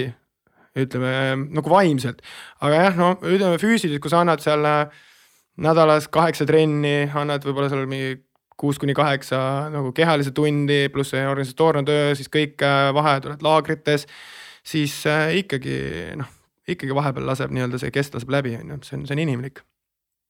aga, aga me saame väga palju imeallikaid on, kus saab selle energia ülikiiresti nagu tagasi. nii, palun ütle need kõik välja, ma panen juba kirja no meditatsioon on kindlasti üks väga oluline, et mm, meditatsioon nagu aitab meil nii-öelda tuua ennast hetkesse jah. ja, ja vaata, kui sa oled hetkes, nii et kui su, no su keha, sinu nii-öelda mõtted, emotsioonid, kogu sinu terviklik selline energia, see kõik on ühes punktis, sa oled palju ökonoomsem. et sa ei ole oma peas kogu aeg laiali tulevikus, minevikus oma mõtetega ära selles nii-öelda äh, kogu aeg mingil teekonnal, vaid sa, vaid sa oled nagu siin, kus tegelikult kogu, kogu energia on olemas, sa saad kogu aeg seda ressurssi peale, kui sa oled meditatiivne, seda on nagu sõnadega väga keeruline edasi öelda, aga jaa, see on, see on, see on hästi sürr et me oleme hästi ebaökonoomsed, me teeme ebavajalikke liigutusi kogu aeg ja mõtleme ebavajalikke mõtteid ja neid teiste mõtteid ja muremõtteid ja, ja, ja see kogu aeg kulutab energiat. ja, ja, ja kui, kui, kui su sees nagu äh, nii-öelda sünnib mingi selline nagu pausimoment või selline heas mõttes selline tühjus on ju, siis, siis sinna nagu justkui hakkab mingil hetkel nagu energia voolama ja sa tunned, et sa, sa ei väsi, et sa tegelikult oled kogu aeg siin, kus niisugune universaalne energia on äh, on aktiivne ja millega sa oled vahetult seotud. et sa ei ole ära äh, tulevikus, minevikus oma peas, mis tegelikult üldse tulevikku ja minevikku loob. et ja kõik, mis aset leiab, on, on see vestlus praegu siin ja meie keha saab olla kus ainult tulevikus, need asjad siin ruumis saavad olla ainult tulevikus. ei saa olla need asjad tulevikus, minevikus. et äh, see on üks äh, ja, ja kui sa tahad kui sa tahad olla energiline, siis no hästi lihtne asi, et vaata, mida sa sööd, noh, et äh, sa tahad olla elav, äh, värske, siis söö ka nagu sihukest värsket toitu on ju vahetult loodusest. no tegelikult, tegelikult need nipid on nagu lihtsad, noh. ma ei, mina, ma ei tea, kõik need mingid ime, imelised toitumisplaanid ja asjad, et, et ma tundsin, et minu jaoks see mingil hetkel on kõik nii keeruline, et äh, lihtsam oli lihtsalt tehagi võib-olla mingid rasked etapid läbi, isegi vahepeal olla näljas, on ju, ja süüa mingit pahnast, et õppida läbi oma kogemuse, oli minu jaoks lihtsam. et kui paljudele sobib, võtad mingi toidu, toitumisplaani, nüüd kasutad seda abivahendina ja nüüd saad mingi rütmi kätte ja siis hakkad tuunima, on ju, aina paremaks minu jaoks, ma, ma ütlen ausalt, ma nagu kadusin täitsa ära, mingi getoplaan, siis on ah,. ma ei tea, võite mind aidata, võib-olla teate noh, mingisugused. ei, ma ei tea väga, ma ei viitsi. paleo, paleo, siis on mingid erinevad paastud, on ju, veel mingid miljon asja, kunagi ma need lugesin kõiki ja mul õnneks või kahjuks ei ole meeles, ei ole valed, ei ole nagu halvad, need on abivahendid. minu jaoks oli lihtsam või on olnud lihtsam see, et äh, ma teengi mingid eksperimendid omal nahal läbi ja ma olen palju kannatanud ka, ütlen ausalt ja kannatusi põhjustanud veel alles hiljuti ka, on ju.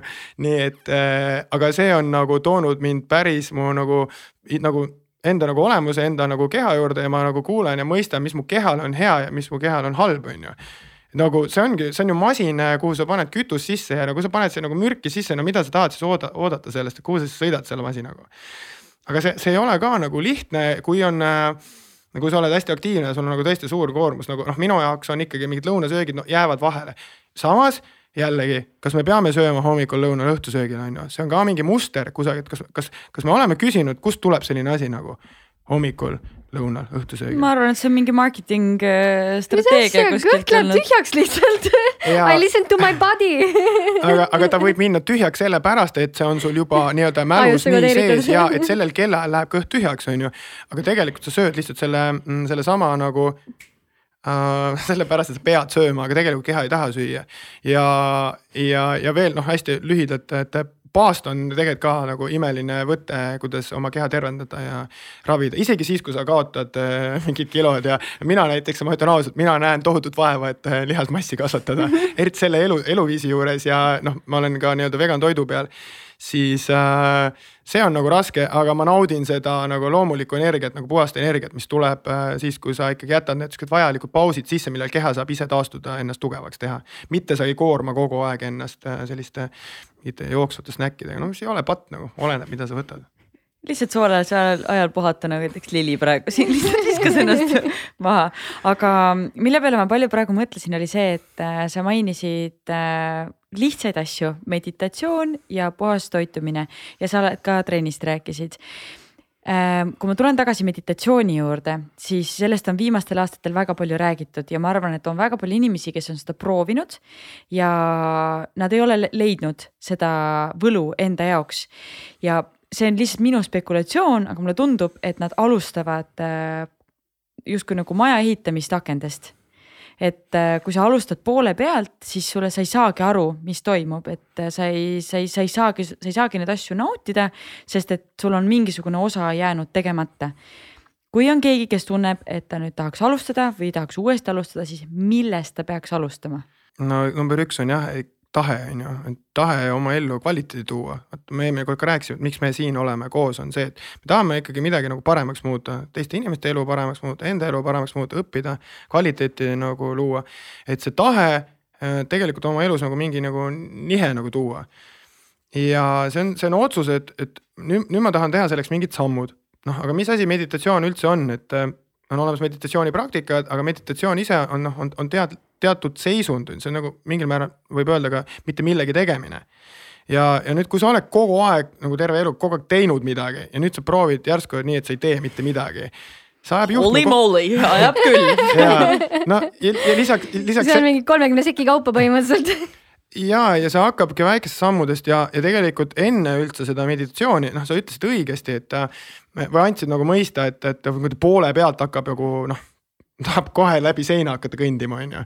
või et umbes, et kõigil on ju see meditatsioonist või mitte kõigil, vaid paljudel on see arusaam, et mul peab olema see mingi mungarüü seljas ja puu all istuma nende äh, risti jalgadega, on ju. ei, ei pea olema Need äh, praktikaid on erinevaid ja tegelikult meditatsioon võib, võib aset leida nagu väga, ta võib igal pool aset leida, aga et, et võib-olla selleni jõuda, et sa kuskil Balti jaamas mm, rahvamassi keskel istud, nii et ei ole, ei ole häiritud sellest, aga oled samas teadlik kõigest, mis nagu toimub siin ümber. Et see võtab aega, esimesed sammud on tahe, otsus, et ma tahan mediteerida, et ma tahan nagu midagi muuta. noh, number kaks on see, et äh, sa ütled ei nagu inimestele, kes sinu tähelepanu eemale kogu aeg tõmbavad, on ju, et sa ütled, sa, sa oled nüüd päriselt enda jaoks olemas. Telefon ei, on ju, arvuti ei, inimesed ei, siis ruum, kus sa oled valmis üldse vaikselt olema. Need on need esimesed sammud, on ju.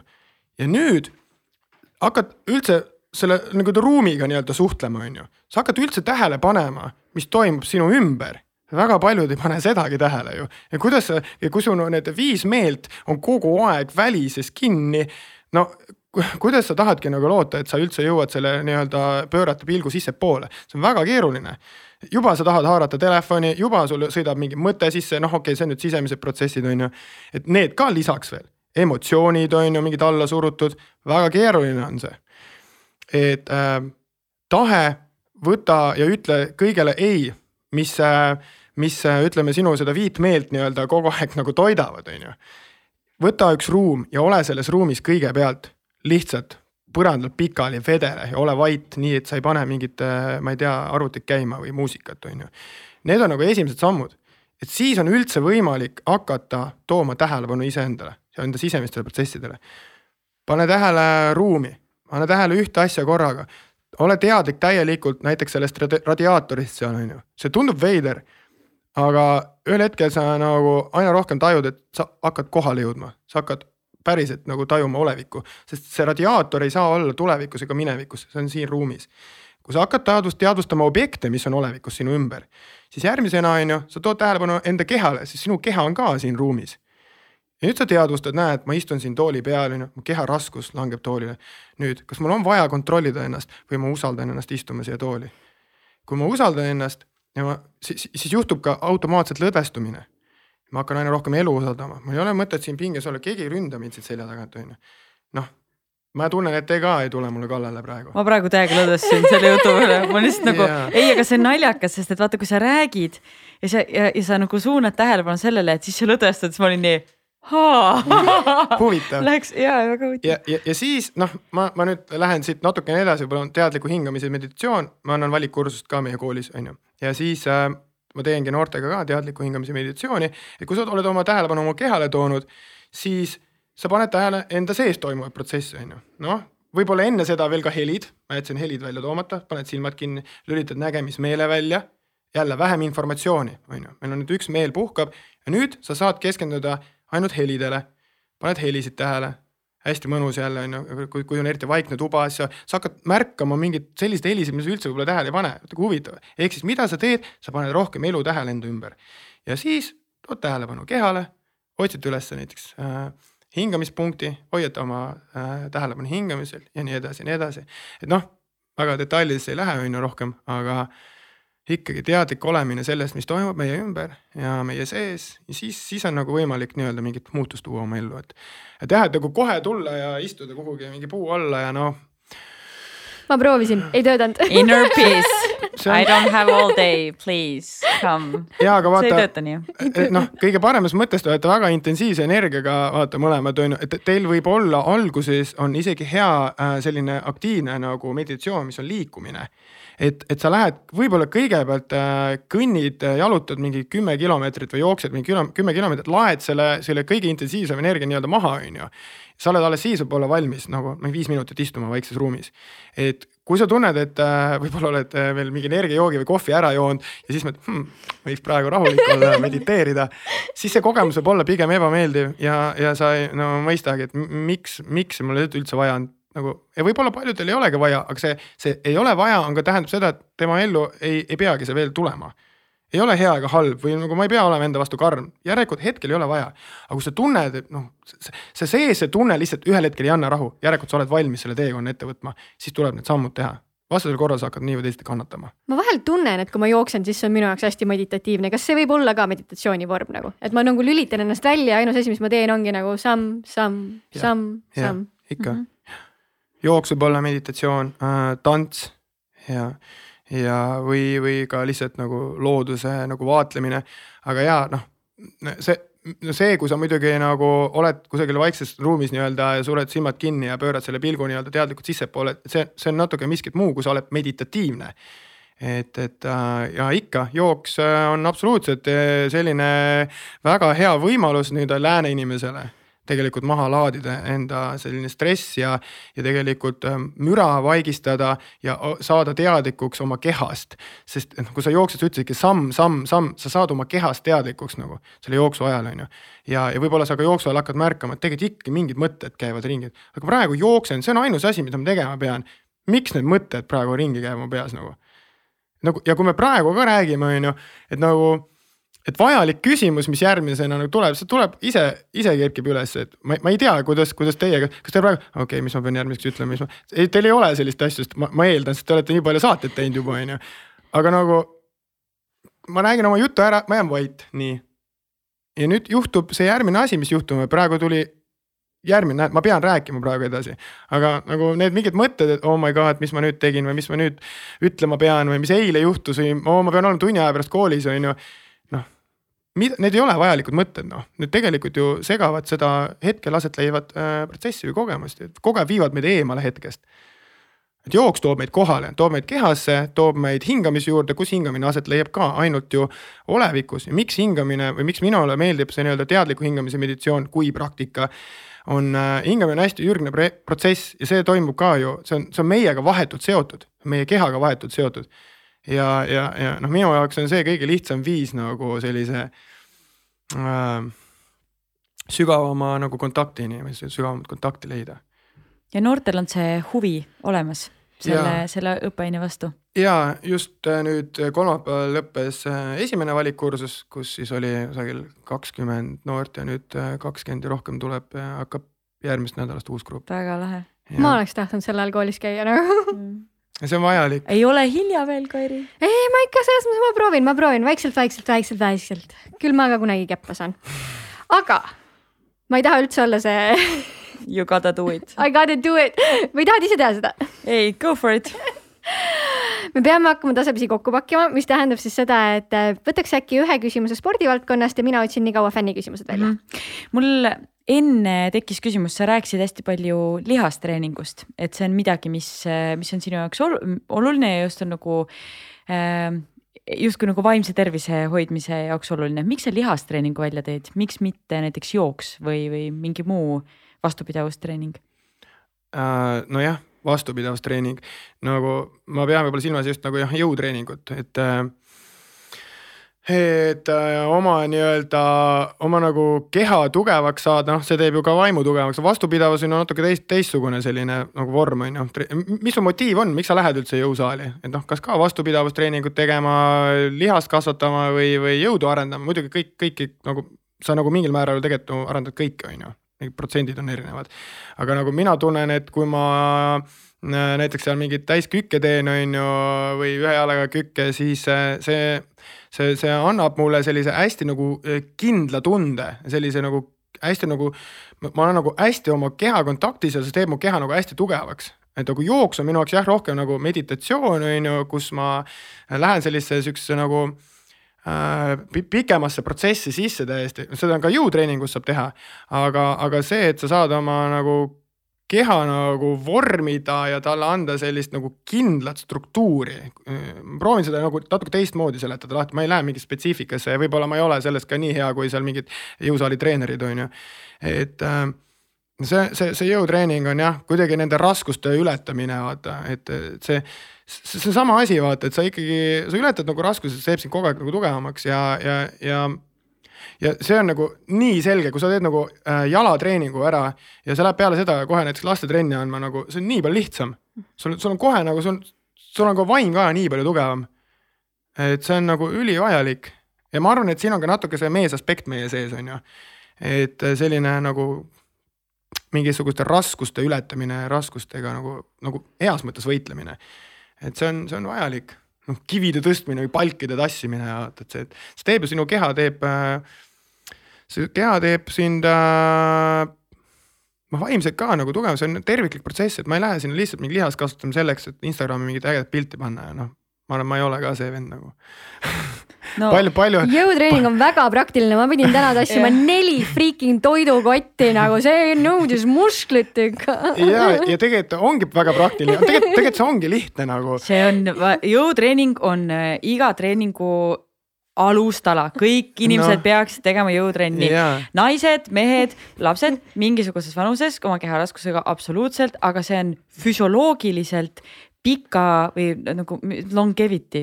ja ütlegi longevity. Longevity, see, see on oluline, sest et see on, mida tugevam on su keha, mida tugevad on su lihased, seda pikemalt sa suudad elada täisväärtuslikumat elu. Täp, täpselt jah, ja siin ei ole, siin ei ole isegi, siin ei ole, ole vaidlemise kohtagi isegi mitte, see lihtsalt on nii. ja, ja vaata, see on ka huvitav, ma vaat ma annan gümnaasiumi neidudele no äh, kehalist praegu, me olime üks päev ka jõusaalis ja, ja siin noh, me räägime ikkagi avatud kaartidega jõusaali treeningust ka ja ma kogu aeg rõhutan, et küsige, et miks te tegelikult jõusaali tulete. ja no praegu on sellised väga huvitavad trendid, kus tegelikult nagu väga terviklikku keha arendamist nagu rääkida ei saa, et võetakse nagu üks, üks nagu üks kehaosa ja siis noh, oleme ausad. Ja siis nagu keskendutakse ainult sellega, nagu sellega, mis tekitatakse, tekitatakse tegelikult ju äh, nii-öelda ebatasakaal on ju. Äh,. ja see, see ebatasakaal, see tegelikult ju räägib sinu sisemaailma kohta ka on ju sinu nagu psüühika kohta ka väga palju, et terviklik, terviklik inimene on- teadlik sellest, et pikas plaanis see ei tööta. et nagu sa just rääkisid praegu, sa tahad olla pikas plaanis vastupidav, siis ainult tuharat treenid nagu siis noh võib-olla sul läheb natuke paremini kui nendel, kes üldse ei treeni. aga kas sa pikas plaanis nagu elad nagu kvaliteetset elu, kui sa tegelikult teed seda võib-olla nagu noh, oleme ausad, on ju, vastassoo pärast on ju näiteks. või et Instagramis häid pilte nagu saada. Või no rohkem follower'e, noh, ma ei tea, sa võid vastu vaielda, ei oska öelda. ei, ma ei vaidle üldse vastu, ma ei, ma ei taha üldse, ma ei taha on üldse nagu- vaielda. siuke aga samas nagu tuharad sa treenidki kükiga ja Rumeenia jõutõmbega, need on tegelikult Jaa. ju kõik siuksed, mis aitavad teistele kehaosadele ka, aga ole. need, need, kellest see Meelis praegu räägib, ei, ma arvan, et ei tee seda, nad ei mis tea, teevad mis asi lihtsalt on. puusatõsteid ainult no või? ma arvan küll ja mingisuguseid neid masinate peal neid huvitavaid harjutusi Okei, okei, ma saan okei. aru. seda, seda on näha, seda on näha ka, hoiad silmad lahti, sa näed ju, Okei, kuidas okay, nagu tegutsetakse. Või noh, sa, sa võta, võta nagu Instagram lahti. see, mida inimene postitab, see ju räägibki tema sisemaailma kohta ka, seda, seda, mis tema elus aktuaalne on hetkel, sel hetkel, kui ta nagu pildistas, on ju, see ongi see looming, mis tema seest tuleb. Ja nagu lihtsalt nagu oleme vaiksed, vaatame ja need on avatud raamatud, need on väga lihtne lugeda. Mm -hmm. ei ole hea ega halb, millegipärast on äh, kellelgi fookus, vot sellisel treenimisviisil äh, paneb selliseid pilte, see on see sõnum, mille ta maailmale annab. aga see on, see on, see on huvitav jälgida ja, ja panna tähele, aga jaa, et miks nagu, mis on see motiiv, kas, miks sa lähed jõusaali, kas sa lähed kellegi teise pärast? et kas see motivaator ongi, võib-olla on siis nagu vastassugu, on ju, võib-olla mingi võistlus, on ju, kuskil head tulemust saavutada, võib-olla, et ületada lihtsalt mingit kompleksi? Äh, aga tegelikkuses, kas ei peaks mitte kasvama meie seest, et olla, elada pikas plaanis nagu kvaliteetset elu, et olla vastupidav hästi kaua. et jah, ma, ma olen nagu nõus, et mina täna kindlasti käin nagu äh, jõu, jõusaalis sellepärast, et äh, ma oleksin tugevam, vastupidavam eeskujuga lastele, et ma jaksaksin paremini trenne anda, sest et kui ma jõusaali trenne ei teeks nagu, neid trenne oleks väga palju raskem anda, ütlen sulle ausalt nagu. kasvõi neid mingeid seik-, kui me teeme seda takistusrada, tassida kõiki neid mingeid poome, suuri matte, on ju, et äh, see kõik on ju jõud, on ju. et noh, nojah, elementaarne, et äh, jõutreening, sul on antud füüsiline vorm, jälle paneme ennast tähele. minu kogemus, mul on füüsiline vorm, selle eest tuleb hoolitseda ja kõike, mida sa ei kasuta, see hääbub, on ju, toimub stagnatsioon, on ju. ja, ja see jah, masin läheb katki ja lihasvormi puhul see käib veel eriti kiiresti. ja kusjuures huvitav jah, käib küll jah. ja mina jõudsin vahepeal välja Jaa. kaevata fänniküsimused. võtame siit näiteks kaks tükki, kõige esimene on väga spetsiifiline, nii et ma ei oska isegi selle kohta midagi öelda. mõni mälestus Tuksi minikorvpallilaagrist. see on keegi, kes on käinud seal What is this? Äh, see on, see on, kui ma töötasin korvpalliliidus, siis äh, kunagi oli selline äge projekt, kus siis üle Eesti äh, toodi nii-öelda lastelaagrisse kokku erinevad korvpalliklubid ja siis ta oli selline ma ütleks, et see on nagu selline projekt, mis on äh, ka natukese sinna juurte juurde ja omast ajast oli ees. seda tegelikult juba korraldati palju enne mind.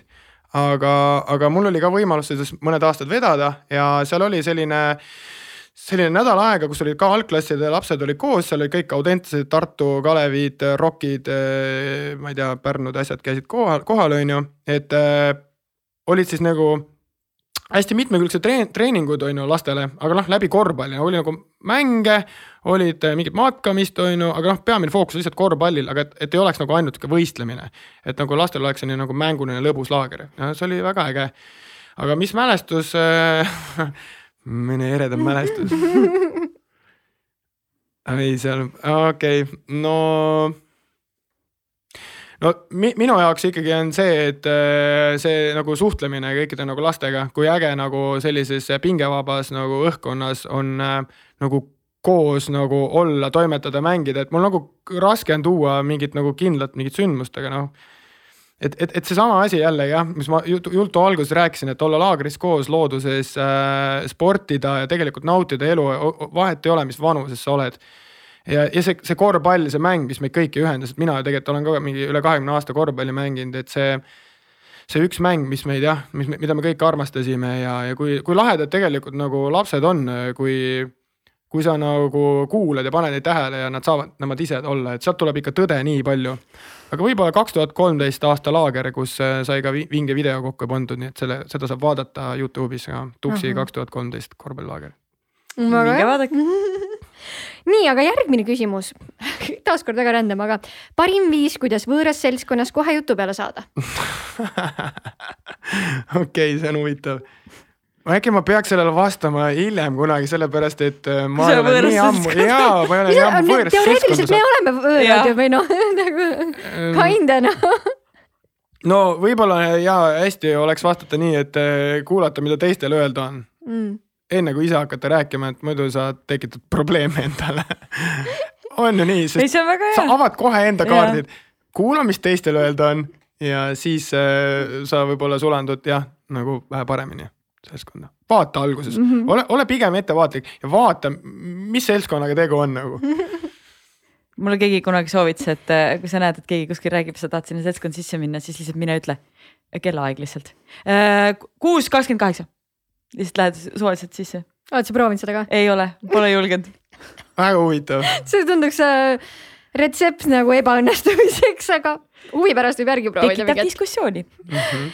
aga meil on veel soovituste nurgakene. jah, ahaa, äh, kolm soovitust esimese soovitusena üks teos, mida iga inimene võiks tarbida, olgu see siis raamat, äh, näitus, näidend, äh, mis iganes, podcast ma nagu no ma, ma lähen kohe sinna juurde, ma tooks ühe hea näite, et kui keegi küsiks, mis mul nagu lemmikraamat on, siis mul äh, üks algklass, keda ma õpetasin äh, kehalist nagu kolm aastat, siis äh, vaata neljandas klassis uue, uue õpetaja said, siis nad tegid mulle raamatu ja noh, see on äh, läbi aegade üks kõige paremad raamatud mu elus nagu, kus nad igaüks siis oma mälestused kirja panid, joonistasid ja. et, et peale seda on väga raske soovitusi anda eh, tõsiselt nagu väga südantsoojendav, et äh, see kõik äh, Carl Gustav Jungi psühholoogia kõik kahvatuvad selle raamatu kõrval. aga, aga võib-olla üks hea raamat on Alan Watts Saa selleks, kes sa oled, on väga hea raamat Äh, kui me räägime sihukesest kirjanduslikust teosest. Äh, ma nagu podcast'ide puhul vaata või üldse nagu tegelikult äh, ka kõikide kirjandusteoste puhul ma, ma, ma pigem nagu soovitan niimoodi, et et kuula äh, seda, mille vastu sa huvi tunned, et äh,, et kui ma ütleksin praegu mingi kindla, kas noh, isegi kui ma ütleks, kas teie podcast'i, kus on ikka tore olla, kus on väga olulisi teemasid nagu kajastatakse, siis loomulikult ma soovitan seda, sest me täna räägime juba nagu väga nagu olulistel teemadel, aga, aga kuula seda ja kuula tähelepanelikult äh, sellist podcast'i või loe sellist kirjandust, mille vastu sa huvi tunned, et ja, ja süvene sellesse, siis praegu on äh, väga suur probleem ja väljakutse, et me oleme hästi nagu pinnapealsed, me, me ei ole suutelised ka süvalugemist tegema. et me nagu hüpleme kogu aeg ühelt klikilt teisele ja võib-olla podcast'is kuulame mingisugused kolmkümmend sekki ära, juba järgmine, juba järgmine. kui sa tunned millegi vastu huvi kuula see lõpuni ja ole tähelepanelik, mida inimestel öelda on või ka mida kirjanikul sulle öelda on, kui ta kirjutab raamatut ja, aga võib-olla ja noh, kui rääkida vaimsetest eh, mingitest raamatutest, siis Eckart Tolle Uus maailm on väga hea raamat. Eh, väga lihtsas keeles on eh, tegelikult räägitud ka, ka ütleme meditatsioonist. Osho meditatsioonid algajale, kui me nüüd räägime, väga kenasti on võetud meditatsioon nagu kokku see raamatus ja, ja tegelikult, kui saab meditatsiooni kokku võtta, aga ka praktikaid toodud, nagu see on ka praktiline raamat, kus on lahti kirjutatud praktilised näited ja Jungi psühholoogia ka, et mina ja alateadvus on nagu päris selline põnev, aga võib-olla natuke raske lugemine äh,. kuna Jung hästi detailselt kirjutab äh, seda inimese nii-öelda psüühiat lahti, et, et see võib, see kuidas kellelegi. aga nagu parim teos on Mine loodusesse ja loe ja kuula loodust see on tõesti parim teos. aga mm, mis on üks spordiala, mida igaüks võiks proovida? See spordiala, mis talle sobib hästi no ma, ma soovitaks äh, võib-olla selline ikkagi ürgne protsess on nagu jooksmine, et äh, õppida kasvõi jooksmist uuesti tundma, et kui see on sinu jaoks ebameeldiv olnud kunagi, et äh, kas siis, kas siis äh, ma alustaks jah millestki nagu, kui ma ütleks mingi korvpall või Ameerika jalgpall nagu noh. nagu need on väga ägedad alad on ju mõlemad, aga nagu hakka nüüd seda teed nullist tegema. et alusta millestki, mis on võib-olla niisugune ürgsem liikumisviis nagu, millega me kõik ikkagi vähemal või määral oleme kokku puudunud, puutunud, kas siis nagu teadlikult või ebateadlikult ja isegi kui on ebameeldiv kogemus, proovi uuesti. Et proovi minna jooksma nii, et sa teed seda alguses isegi alustad kõndides, sa paned oma samme tähele, sa paned oma hingamist tähele. jooksmine muutub meeldivamaks, väga palju meeldivamaks siis, kui sa oled oma hingamisest teadlik. Kui sa jaksad joosta. Äh, kui sa jaksad joosta, kui su keha nagu võimaldab jooksmist, mis tähendab, miks jõutreening on oluline, sest kui su keha on, on, on nagu tugev, on ju, sul on palju meeldivam joosta, sa jaksad oma nagu rühti hoida jooksmise ajal, sa, sa, su keha võtab ka jooksmise ajal loomuliku äh, siis nagu selle asendi on ju, jooksmise asendi ja hingamine. et äh, alusta sammhaaval ja ühel hetkel sa võib-olla märkad, et jooksmine võib ka kujuneda hästi meeldivaks ja võib-olla see on sinu meditatsioon. panen kõrva taha. ja üks tegevus, mille iga inimene võiks ära õppida me oleme, hoiame seda ikkagi sellel tähelepanul täna, oskus olla tähelepanelik. nii enda kui ka teiste suhtes. ja, sest see kõik ülejäänud tuleb siis juba peale seda, pärast seda jah. oskus olla tähelepanelik, oskus kuulata, mitte hakata enne rääkima, kui sa ka võõrasse seltskonda satud ma arvan, et äh, meie kuulajad on väga pädevad selles, sest nad veetsid meiega just päris pika aja koos. aitäh sulle, et sa meile külla tulid. Ja tänud, Meelis Te, teine kord aitäh, väga-väga mõnus on äh, teiega mõtteid jagada ja nagu väga meeldiv ja tore ka, tore selline lisategelane oli tänases saates. seltsiline. ja mul on nüüd käed nagu kindlasti täiesti puhtad, puhtamad kui peale pesu, nii et aitäh väga,, väga-väga meeldiv oli, mõnus. ja teiega näeme järgmises podcast'is juba. tšau. Sportland, Be First podcast